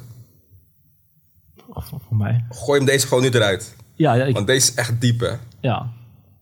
Jermaine is trouwens van de quotes die hij Ja. eh, niet Ja, zelf maar- bedenkt, maar je had van ja, maar het, het samenvat wie jij bent in één keer. ja, Helemaal. ja. Ik weet niet of je daarvan bewust bent. Nee, maar nu... Maar de samenvatting van deze podcast komt terug in die quote. Gewoon helemaal.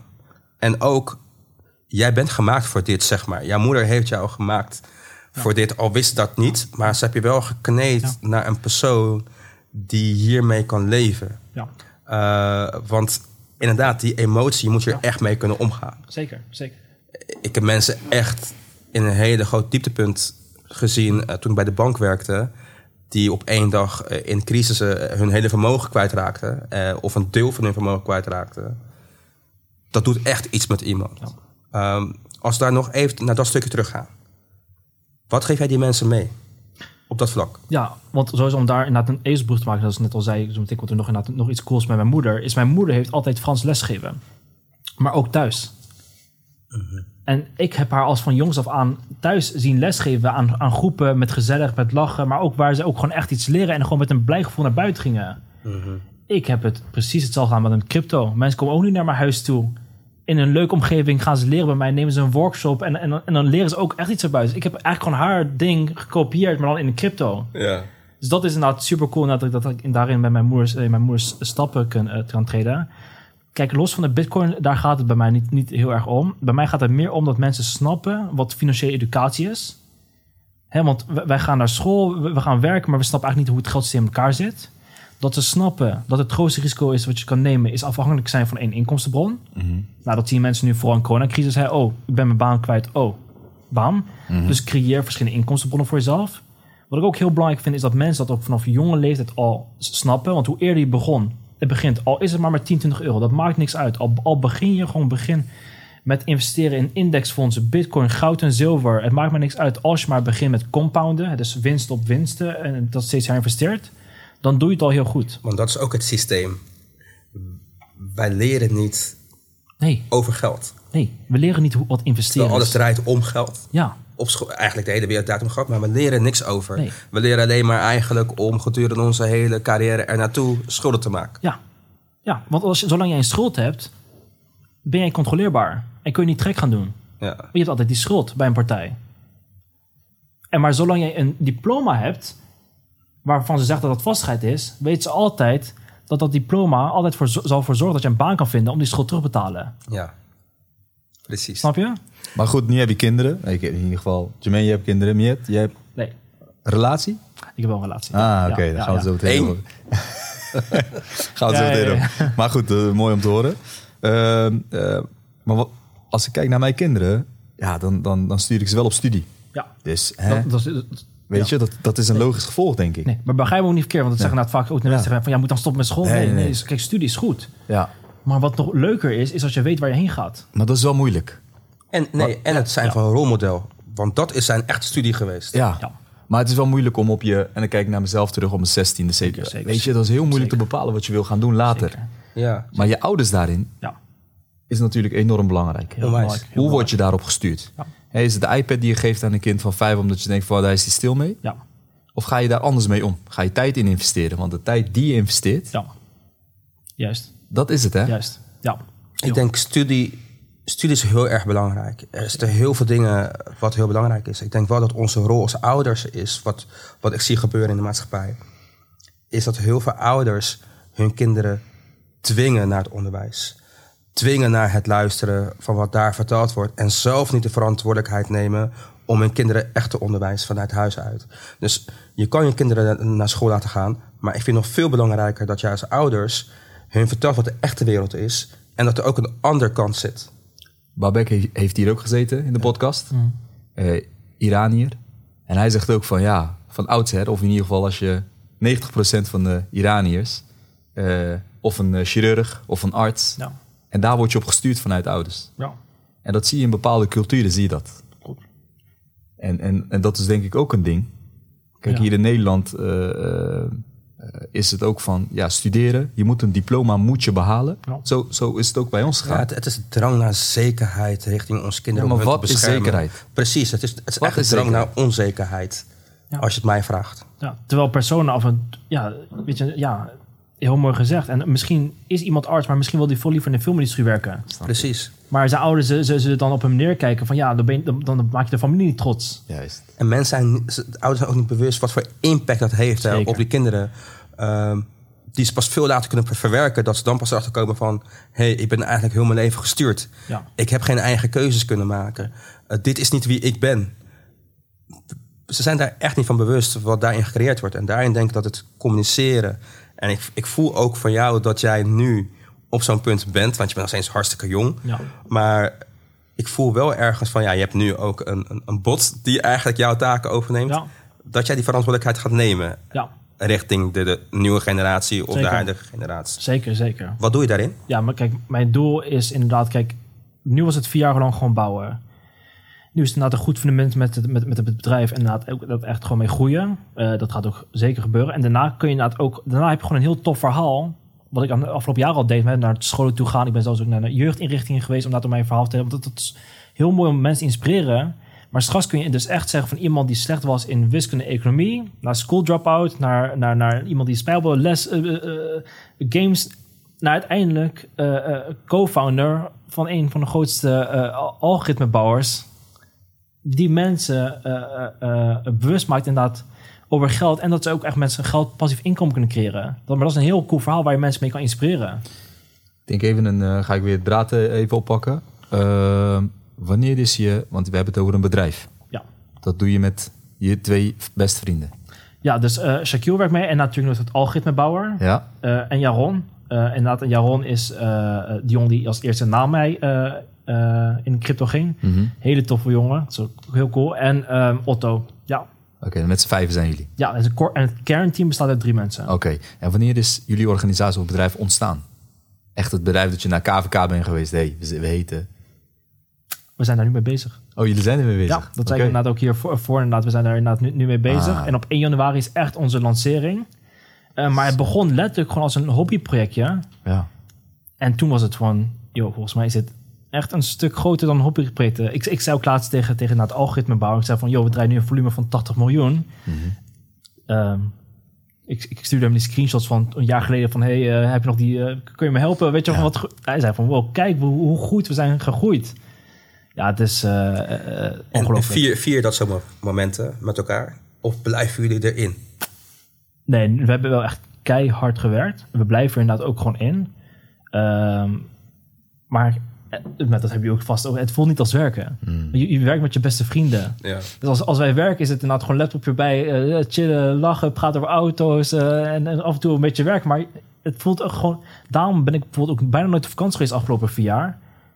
Omdat ik nooit toe was aan vakantie, omdat het gewoon elke dag voelt als vakantie. Het geeft mij oprecht energie om met mensen te zitten, te praten over de bitcoin, hun te leren, algoritme. Het, het, geeft, het is gewoon leuk. Je hebt niet gestudeerd, maar je bent een hele slimme jongen. Ehm, ja, nee, dat. eh, Ehm, en ik hoor in, jouw eh, eh, in jouw verhaal hoor ik allemaal doelstellingen. Ja, Je staat nu waar je staat. ja. Wat zijn de volgende doelstellingen die jullie hebben opgesteld? Nou, we, we hebben sowieso voor gekozen om met het algoritme te gaan schalen aan de hand van het picnic-model. Hè, Dus dat houdt in dat wij exclusief inderdaad het houden en dat schaalbaar houden. Want de mensen zeggen van ja, maar je hebt toch algoritme, dat is toch oneindig schaalbaar? Ja, dat klopt, maar niet aan de achterkant. Je wil nog steeds dezelfde service en kwaliteit garanderen aan de mensen die ons algoritme komen. En als je duizenden leden gaat aannemen, maar je bent nog steeds met een kernteam van vijf, dan heb je niet meer de service die mensen ons verwachten. En dat is nu bij ons. Appen ze mij van ja, ik vind het echt tof hoe die 24-7 bereikbaar zijn. Dat, dat wil je nog wel garanderen. Dus we gaan schalen met 100 me- eh, mensen per maand. Ehm, groter, groter, groter worden. Kijken we naar hoe alles aan de achterkant is. Ja, en daarna kun je natuurlijk gewoon wereldwijd gaan. En, en de percentages die wij nu al behalen met ons algoritme... zijn al op zo'n niveau, als we dat inderdaad volhouden... dat dat gewoon groot gaat worden.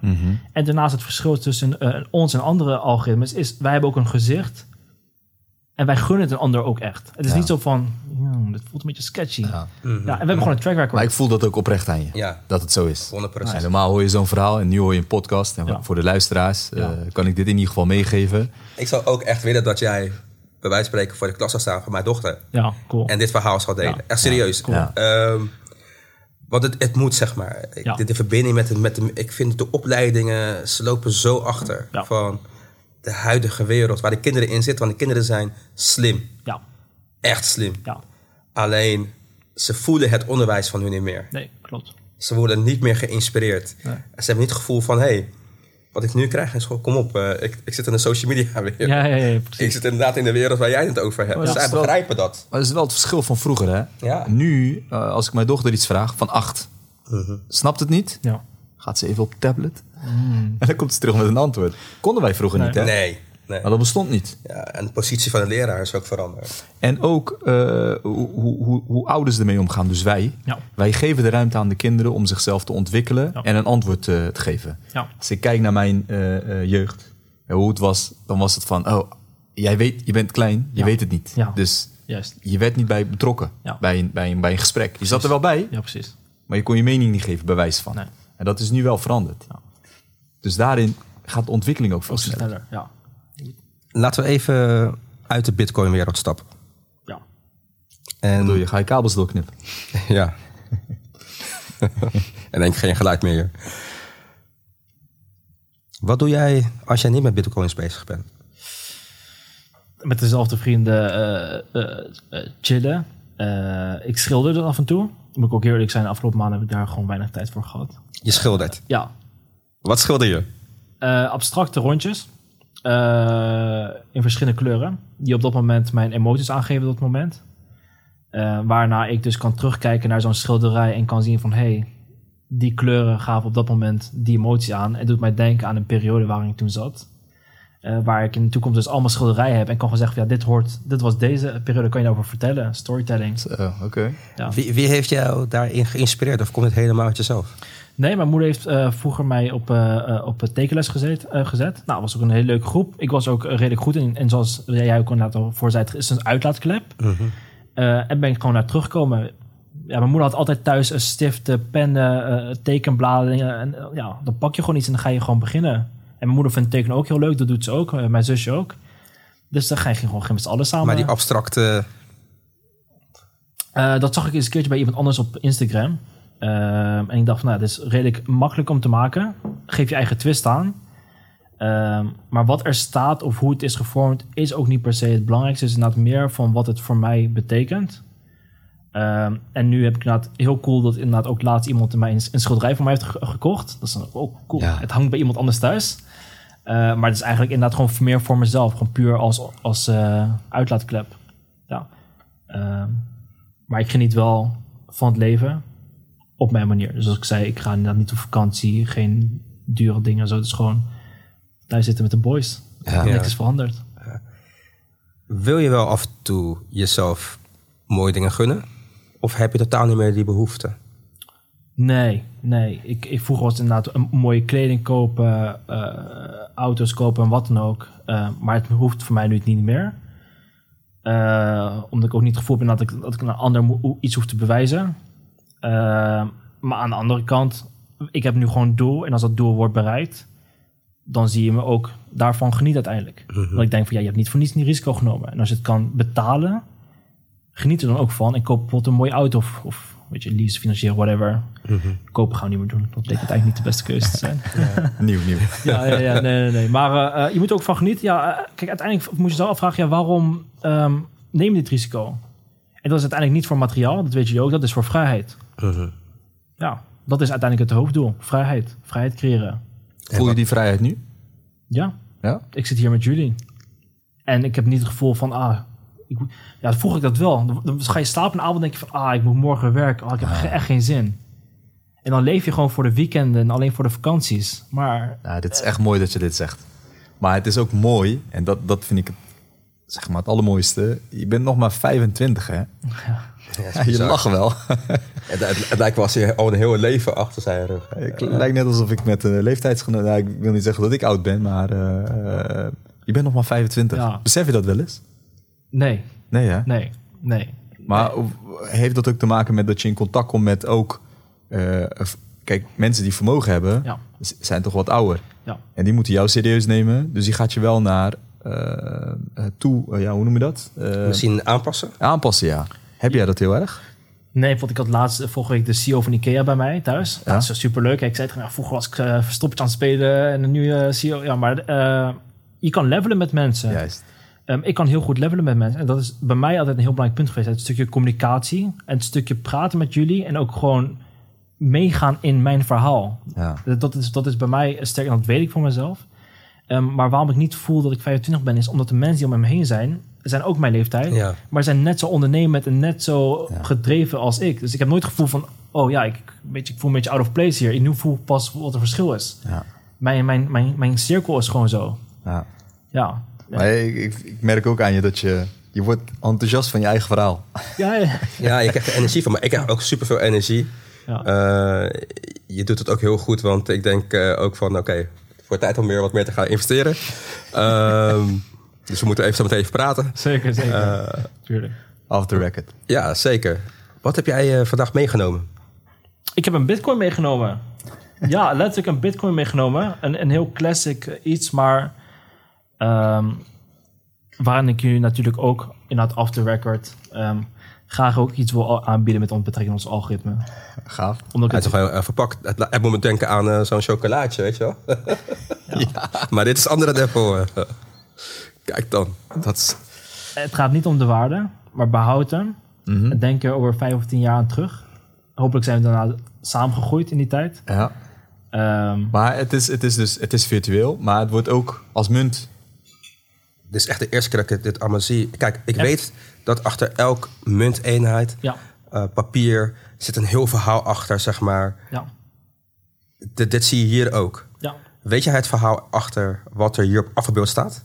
Nou, wat het dus eigenlijk is, is de bitcoin is virtueel abstract. Je kan het niet zien, je kan niet... je- Het, is niks.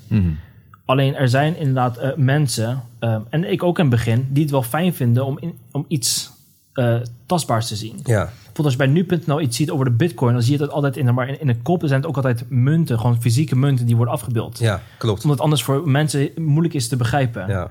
Eh, en daarom wil ik inderdaad deze aan jullie meenemen, want ik vond het een beetje eh, triest als ik... Een, dit is de bitcoin. Het is abstract en virtueel, je ziet het niet, maar het is er wel. Dit is hem, ja. Dus dan neem ik inderdaad iets fysieks aan je mee. Maar het gaat, erin, het gaat eigenlijk meer om van wat het eh, eh, eh, representeert. Ja. Ehm, Maar de achterkant bijvoorbeeld lijkt net een chip. ja. Het is Voorkant ook, hè? Het is technologie. Ja. It's tech. En de bitcoin samen met virtual reality, augmented reality, machine learning, artificial intelligence, dat zijn eh, eh, blockchain, dat zijn naar mijn mening de nieuwe technologieën die in de toekomst gaan veroveren. Zie je ook een dark side, zeg maar? Want ik heb het altijd over eh, ja, mijn werk in social media. Ook daarin moet je nog steeds heel veel mensen overtuigen. Ja, Ik heb wel altijd over van... Wees je wel bewust dat er ook een andere kant zit aan social media. Ja. Eh, weet je wel? Ehm, in hoeverre zie jij hierin een, een andere kant? Ehm, ja, kijk, de Bitcoin. Er zijn nu grote partijen die heel veel Bitcoins kopen, toch? ja. Wie zijn die partijen? Eh, eh, PayPal is begonnen, eh, Grayscale is een heel groot fond. Die, die- van, die heeft nu volgens mij 600 tot 500.000 Bitcoins, wat heel groot is. Andere bedrijven op de low-key kopen ook inderdaad Bitcoins in, puur omdat ze denken van ja, beter hebben we het. Anders, ja. Ja, ja, anders lopen we achter. En misschien banken ook ach- achter de schermen. ja. Ik, ik denk you, you never know. Nee. Ehm, maar wordt daarmee een nieuwe 1% gecreëerd? Ja, Ja. Daarbij zijn de meeste miners, de mensen of de personen eh, die de- het Bitcoin-netwerk beveiligen, een groot deel daarvan zit in eh, China. En, en, en eh, voor- een leek, miner. Ja, dus, dus, dus de Bitcoin wordt gemined. Hè, Ja. Dus ze wordt gecreëerd aan de hand van computerrekenkracht. Nou, wat het is bij, de, bi- bij, bij goud bijvoorbeeld is... Hè, dat, nou, vroeger kon je 2000 jaar geleden met een schepje buiten zitten... kon je goud eh, eh, minen. Hè? Ja. Dus had je, had je goud. En nu heb je dus hele graafmachines en hele mijnen nodig... om een beetje goud te vinden. Mhm. Nou, zoals ook met de Bitcoin. Vroeger kon je de Bitcoin creëren door jouw computer... dus jouw laptopje aan te zetten. En door middel van de rekenkracht van de computer... werd er een puzzel opgelost. En daarvoor kreeg je een beloning. Oké. Bitcoins. Oké. Maar naarmate die puzzel steeds wordt opgelost, wordt die puzzel steeds en steeds moeilijker. Mhm. En nu heb je heel veel rekenkracht nodig om zo'n bitcoin te minen. Maar precies zelfs met goud. Vroeger Maar- schep je. Maar er is 21 miljoen Ja, heel goed. bitcoins, zeg je. Ja. En op een gegeven moment is het toch opgelost met die puzzels. En zijn die, al die bitcoins toch... eh, Goed, go- eh, eh, ja, dat goede opmerking. In 2008 kreeg je nog 50 bitcoins voor het oplossen van die puzzel. Mhm. Maar toen was de bitcoin bijna niks waard. En dat wordt elk jaar, elke, sorry, elke vier jaar gehalveerd. En nu krijgen de miners nog maar 6,25 bitcoins per opgeloste puzzel. Mhm. Dus er zijn nu volgens mij 18,6 miljoen bitcoins gecreëerd in, in, in 12 jaar tijd. Maar de laatste bitcoin wordt pas gecreëerd in het jaar hon- 2140 hmm. door die halvings. Hè? Dus omdat het elke vier jaar wordt, minder wordt. Ja, dus het wordt, je hebt elke vier jaar heb je dus meer computerkracht nodig. Meer computers is meer geld, hè? dus omdat er meer elektriciteit is. Maar het aanbod wordt ook steeds minder, maar er is wel steeds meer vraag. de wereld wordt gedomineerd door gamers. Dat is mijn conclusie. Eh, weet je, die, die, die kinderen die vroeger inderdaad door hun ouders werden gezegd van... Ja. Kappen nu met gamen. Ja. Je ziet nu steeds meer. Zij zijn degene die nu alle touwtjes in handen hebben. Ja. Daar zit weer die traditionele Jermaine... die daar ook wel van schrikt, zeg maar. Ook wel angst heeft om daar toch even aan terug te koppelen. Want ik weet ook wel dat het een, eh, een apart type mensen zijn. Ze zijn niet over het algemeen degene die het meest sociaal zijn. Ehm, vaak, ja, Kijk, mij. nee, want jij, ik zie jou niet als een traditionele gamer. Gamer. Eh, waarom niet? Eh, je praat heel makkelijk. Je bent voor mij heel sociaal Ja. onderlegd. Als ik kijk echt naar de traditionele gamer. Ik weet dat je niet een hokje kan plaatsen. Maar uiteindelijk worden toch mensen in een hokje geplaatst. Mhm. Eh, er zijn toch wel degenen die eh, ja, in een kamer eh, zitten. Veel gamen. Eh, eh, online vooral hun community hebben. Maar offline eigenlijk geen community hebben. Nee. Ehm, ik merk ook dat de wereld daar naartoe beweegt. Dus we hebben het er heel vaak over social. social Mhm. maar het wordt steeds minder offline Ja, dat is ook- social. Daar is ook een spel of een film van, hè? Ready Player One heet die. Ja, Ready die ge- Player One. Ja, ja, ja, dat is met de Vert. Ja, Ja. Dat, is, eh, Ja. dat is inderdaad hoe ik het zie. Ja. Maar wat jij inderdaad zegt, we gaan steeds meer naar online. Ehm, maar goed, inderdaad, dat is, dat is inderdaad, ja, nou, elke gamer is inderdaad anders. Ehm, maar hoe jullie inderdaad zagen dat de bitcoin, hè, het, is, zo duur, 23.000 dollar voor iets abstracts en virtueels. Online mensen, hè, dus, dus mensen die online constant bezig zijn, die snappen dat waarde. iets abstracts en virtueels een waarde kan hebben. Want zij kopen skins in Fortnite voor honderden euro's. Ja. En voor hun en voor mensen in dat spel heeft dat een waarde. Ja. Maar voor de mensen buiten wil denken van wat is dat? Dus Klopt. als zij een bitcoin zien die zo duur is, zij snapt dat het een waarde heeft. Toen ik vroeger de bitcoin eh, eh, eh, als eerste hoorde van Shaquille, ik snap dat het een waarde had. Want ik speelde vroeger RuneScape. En daar was ik aan het handelen tussen virtuele spullen. En voor mij en de mensen in het spel had het een waarde. Dus dit had, dit, ik snap het gelijk. Mining, oh, het wordt, het wordt echt tijd en moeite. Oh, ik, ik snap het. Ja, maar als je kijkt ook naar de game, ik game zelf niet, maar als je kijkt naar de gamewereld, is het natuurlijk helemaal veranderd. Inderdaad, dat je eh, FIFA hebt. Vroeger speelde we FIFA, Ja. FIFA 98. Ja, Vriend, was gruwelijk. ja, Maar kijk nu naar FIFA, moet je kaarten kopen. juist. Dat is een hele andere game Hele andere- het spel, zeg. Ja. Ja, maar dat is puur commercieel. Het is commercieel inderdaad. Maar ook voor hen, als zij een Ronaldo trekt uit zo'n kaart... Juist. voor hen heeft het een waarde. En voor de mensen die dat heen, die snappen ook dat waarde. Terwijl voor Ja. anderen zeggen, maar het is gewoon een virtueel poppetje. Hoe ga je daar zoveel aan... t- Ja, we hadden, we hadden het over het verpakken en we hadden het over bijvoorbeeld Jordans. Ja, Het gaat tegenwoordig om de verpakking, Ja. weet je. En daar zit hem ook een hele eh, spel achter. ja zeker. Van zeker. hoe iets is verpakt en hoe je dat opent. en, Ja. Laatst waren er Nike, eh, eh, Nike Dunks Ben Jerry. En die, kwamen, die werden ook gewoon verpakt in een hele grote Klopt, Ben Jerry pot. Ja, cool. Ik weet Ja, het. maar daar, daar zie je ook weer het spel achter het spel. Ja. Ehm, en eigenlijk, dat, dat maak, ik- word ik nu bewust van. Wij worden langzamerhand worden wij een game. Ja. Het spel. Ja. Het gaat steeds meer digitaler. Eh, ik, de tijd dat de, de AI, eh, virtuality, dat is, al, dat is om de hoek. Ja. Blockchain. Ehm, hoe denk jij? Denk je, je bent, zeggen net heel terecht, je bent een slimme persoon. Ik heb een vraag voor jou. Hoe denk jij dat wij straks ervoor kunnen zorgen dat nog steeds offline een sociale wereld blijven? Ja, dat zie je. Kijk, dat zie je nu ook al. Op een gegeven moment gingen we zo erg richting het online gedeelte dat mensen weer behoefte hadden aan het offline gedeelte. Dus op een gegeven moment werden meetups weer belangrijk. Mensen gingen weer zeg maar oldschool kranten lezen, omdat ja, mensen hebben daar gewoon behoefte aan. Ik denk ook, want kijk, nu leven ik in de coronatijd. Hè? Iedereen is eigenlijk gewoon constant online bezig. Maar je ziet nu pas wat voor behoefte wij hebben aan, ook aan het offline gebeuren. Om gewoon even hier met elkaar te zitten, kunnen praten, bakje met elkaar kunnen doen en wat dan ook. Dus ik denk, ehm, on, ook vooral dat deze tijd ook, ook, een, ook een blessing kan zijn, of, of misschien zo, zo kan noemen. Ehm, omdat wij nu pas hebben gerealiseerd dat wij richting kant gingen van constant online. Terwijl we eigenlijk, we zijn mensen, wij hebben ook gewoon behoefte aan het offline gebeuren.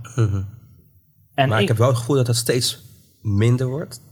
En de nieuwe generatie, dat die behoefte er straks Niet misschien niet meer is. Nou, dat weet ik Nee. niet. Eh, je, je bent een mens en je blijft een mens. Ja, maar de wereld om je heen verandert. de omgeving verandert. dat, Ja. dat geeft niet, denk Nee. ik, man. Wij hebben niet meegemaakt wat, de, wat onze kinderen nu Ja, meemaken. weet ik wel, maar als je- Dat ze gewoon de hele dag thuis zijn. En dat je niet van jou wordt verwacht dat jij naar buiten gaat. Maar het, ik, waar ik naartoe wil, het is van nature. Ja. Ja. En kijk naar dieren, die worden ook geboren. Die krijgen helemaal niks bij wijze van, maar ze zoeken elkaar op. Ja. En dat maar bij maar mensen een, hond, een hond als huisdier of een wilde hond zijn totaal twee verschillende rassen. Ja. Mhm. Maar kijk, onthoud ook wel, is wij zijn als wereld heel snel gegroeid. Ja. En wij als mensen zijn niet, kunnen niet zo snel meegroeien. Klopt, klopt. Dus wij zijn door bepaalde veranderingen heen gegaan die wij nog, ons nog niet kunnen beseffen. Klopt. Er zijn ook genoeg dingen die voor ons klaarstaan qua technologieën, die, wij, die ook gewoon niet uitkomen, omdat wij daar gewoon als mensen nog niet klaar voor zijn. Wij zijn niet klaar voor om inderdaad een bril op ons eh, gezicht te hebben en een concert te kunnen bijwonen in New York zonder daar daadwerkelijk aanwezig te zijn. Ja, nee. Nee, maar qua schaalbaarheid en Ja. qua technologie is dat top. Ik kan nu ergens zijn in de wereld zonder daadwerkelijk daar hoeft te, te Ja, zijn. je zag dan met de NBA Ja, precies. dat, dat het digitaal Precies. gekoppeld wordt met de offline, zeg maar. precies. Maar als we dat zo snel gaan doorpakken, ja, dan, dan houdt het voor heel Het veel... blijft niet meer in balans. Nee, het blijft niet meer in balans. Ja, en dat zal zichzelf wel waarschijnlijk weer oplossen met natuur. Precies. Ehm, laatste hoofdstuk. Yes. Jij gaf het net eh, even aan Ja. dat jij begin 2021 ga je iets volgens mij heel groots eh, lanceren. Ja, we gaan eindelijk ons bedrijf, ons algoritme lanceren. eh Triven. Zo heet ons bedrijf. En ons algoritme gaan we daarin lanceren. Super cool. Eh, in Nederland. Ehm, uiteindelijk gaan we ook wereldwijd eh, aanpakken. Dus misschien heel cool. Azië, Silicon Valley. Eh, omdat het algoritme qua kwaliteit is er toch gewoon. Het team is er. En, en eh, Loop je voor op hun? Silicon Valley, op dit moment hiermee? Nee, ik, ik, in Silicon Valley zitten zoveel slimme koppen. Dat is, dat is ongelooflijk. Maar het lijkt me heel cool om in ieder geval daar eens een keer heen te gaan. En om met de mensen te kunnen praten. Ja, een stukje netwerk. Dus dat zijn we nu aan het creëren. Ehm, maar ik denk dat wij echt iets heel tofs in handen hebben... waar we echt de wereld op onze manier kunnen veranderen. Door, eh, door je algoritme ben je, eh, is er werk van je afgenomen. Dus waardoor je meer ruimte hebt gekregen. En ik hoorde jou zeggen, ik heb nu een relatie. Ja, En ik hoor nu een bedrijf. En eh ja kijk, het hoe is de werk, basis? precies, kijk, het werk is voor me afgenomen qua treden. Mhm. Maar qua werk zelf is het natuurlijk veel meer geworden. Je bent nu gewoon het gezicht van een algoritme. Waarin mensen niet meer zelf de dingen doen, maar een algoritme doet het. Dus als een algoritme het minder doet, Mhm. dan ben jij het gezicht. Hoe is dat nu thuis dan? Eh, goed.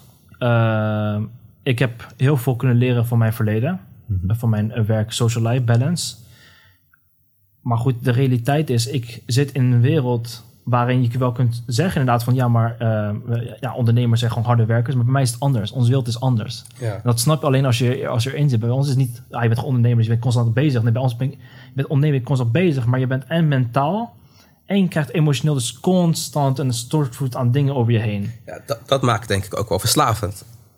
Ehm Want het is continu prikkels. In de zin van, eh, weet je, ja, als jij elke keer jou, eh, naar je bankrekening kijkt en je zit dat weer... eh, Ja, ja dat, maar dat, dat stukje is het nee, ding. precies, nee, dat, Nee. dat, dat, dat, dat is het totaal niet. Voor mij is echt, echt de kick is inderdaad als mensen dat mij, mij appen en zeggen van... hey, dit is echt tof.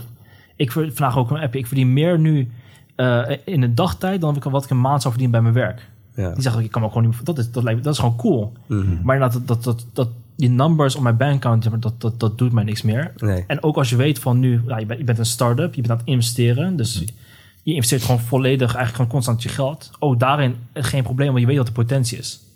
En dat is nu zo, maar had ik je vier jaar geleden ook kunnen zeggen, zonder algoritme. Uiteindelijk komen we daar wel. Mhm. Ja, en dat we nu inderdaad iets in handen hebben waarmee we daar kunnen komen. Maar waar we erin ik ook weer heel veel andere mensen in kan meenemen. Dat we gewoon samen groeien en we doen het samen. Ja, dat is gewoon super sterk. Mooi man. Ja, ik, eh, sowieso een bijzonder verhaal. Eh, kijken naar je toekomstplannen, eh, huisje, boompje, beestje.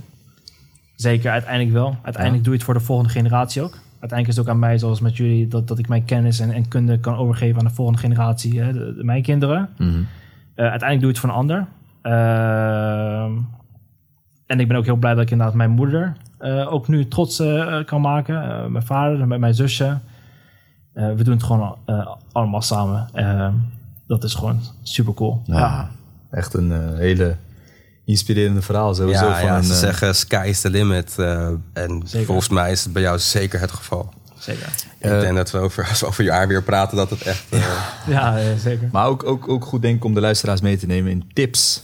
Want eh, je zegt, eh, ja, we kunnen schalen straks eh, met, Ja. met 100 Ja. eh, man per maand. Ja, Eh, wat, wat zijn je tips, zeg maar, voor iemand die nog niet is begonnen, die een eh, eh, ja, een stukje vermogen heeft aan de kant, ja, die die kan missen, Ja. denk ik. ja, heel belangrijk. Dat, dat heel is een hele belangrijk punt.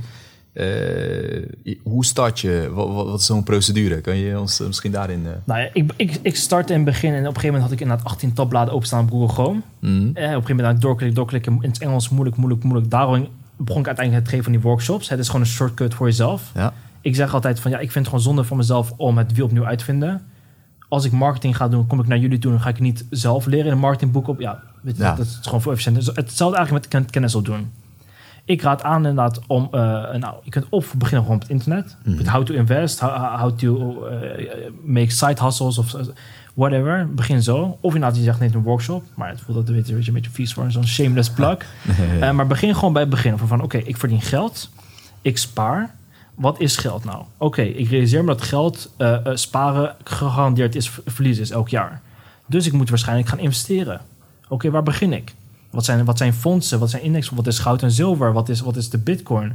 Nou, kijk daarin van wat je, wat je zelf interessant vindt. En begin gewoon. Ga je gewoon skin in the game. Begin met 10 euro. Mhm. Kijk een beetje hoe dat gaat. Begin daar weer te leren. Kijk of er communities zijn. Kijk in je eigen omgeving of er mensen zijn. Benader mij. Ik help je ook heel graag eh, Ja. in het begin. En zo ga je door en door en door. En zo ga je dus steeds verder in die rabbit hole. Maar ik denk, als iemand het goed wil aanpakken, Ja. dan kom ik bij, ik kom bij jou aankloppen. Als je gewoon effectief bezig wilt zijn, Ja. kom gewoon bij, maar maak gewoon een plan en we, gaan- we gaan het gewoon doen. Precies. Ja. Dus ik kom, zeg maar, iemand kan dan bij jou eh, terecht. Ja. Er wordt gewoon een plan gemaakt en dan ga je gewoon. eh, Ja, dan maken we wijze inderdaad gewoon samen een plan. Juist. Natuurlijk pak je eerst gewoon de kennis mee. Mhm. En gewoon wat, wat, wat ga je überhaupt doen? Mhm. Hè, dus, eh, zoals ik zei, wat is de bitcoin? ja. Ja. Eh, en dan inderdaad gaan we dan een, een plan maken. En dat, dat kan een algoritme zijn, kan een bitcoin zijn, kan ook heel iets anders zijn. Dat hangt helemaal van je eigen dingen af. Eh, en zelfs inderdaad met die mensen, inderdaad, eh, ondernemers naar me toe komen, st- eh, eh, studenten, CEO's, Ja, super breed. voetballers, artiesten. Is, is, ja, is- al, iedereen heeft een eigen plan, eigen doelstellingen. En iedereen heeft een eigen manier van, van risico. En mensen worden wakker. Ik denk nu... Dat is het belangrijkste. Ja, ik denk dat mensen nu meer dan ooit wakker aan het worden zijn. Ja. De hele maatschappij wereldwijd Ja. ziet dat het systeem zeg maar niet meer van deze tijd is. Nee. En dat we het gewoon kunnen veranderen met elkaar. Ja. Als we daar echt samen voor openstaan. Juist. Ehm, Ja. Nou, thanks man. no problem. Jullie bedankt. eh, eh, jullie ja. bedankt. Ja, ik denk dat wij de komende dagen dat het woord eh, bitcoin eh, hier veel gebruikt zal gaan worden op kantoor. Nice, nice. Want we zijn echt geïnspireerd geraakt. Kijk, ik kijk nu ook op een andere manier ernaar. Ja. En daarvoor wil ik je ook bedanken. Want eh, My pleasure. Zat, er zat toch bij mij een soort van een negatieve... Ja, wat ik aan zeggen? Ja, nee, ik begrijp wat je bedoelt. Eh, Ja. Gevoel eromheen. Ja. Eh, misschien ook op de manier hoe het soms wordt verkocht. Dat heeft ook mee te maken. sure. Uh, maar ik merk gewoon bij jou alles erop eraan. Uh, het gaat helemaal niet om. Ja, precies waar we net over hadden, over die bankrekening. Het gaat echt erom dat jij zegt van oké, Ja. je kan op een andere manier leven. Ja. Uh, waarbij je nog steeds kan werken, maar daarnaast ook nog iets kan opbouwen. Zeker. Dus uh, Zeker. ja, Zeker. Dank je wel voor je, voor je tijd, voor je komst. Graag gedaan, heren. Jullie bedankt. Ja, graag. Eh, jij bedankt voor je tijd, Tuurlijk. voor je inspiratie en voor je Tuurlijk. eigenlijk inzichten binnen. Wij gaan zo meteen zo, sowieso eh, verder praten, want Zeker, ik wil die GTA zeker. met cheatcodes wil ik wel spelen. En uh, we zeggen ook, uh, we willen onze gasten vaker terug hebben. Ja. Omdat we ook met hun verhaal willen meegroeien. Ja. Dus hopelijk uh, zien we je snel weer. Nieuwe, dan hebben we weer hele leuke nieuwe verhalen volgens mij. denk ik ook. Gaan we denk doen, ik man. ook. Ja, ja, Ja, ja. dankjewel, man. Cool man. Geen probleem, Dankjewel.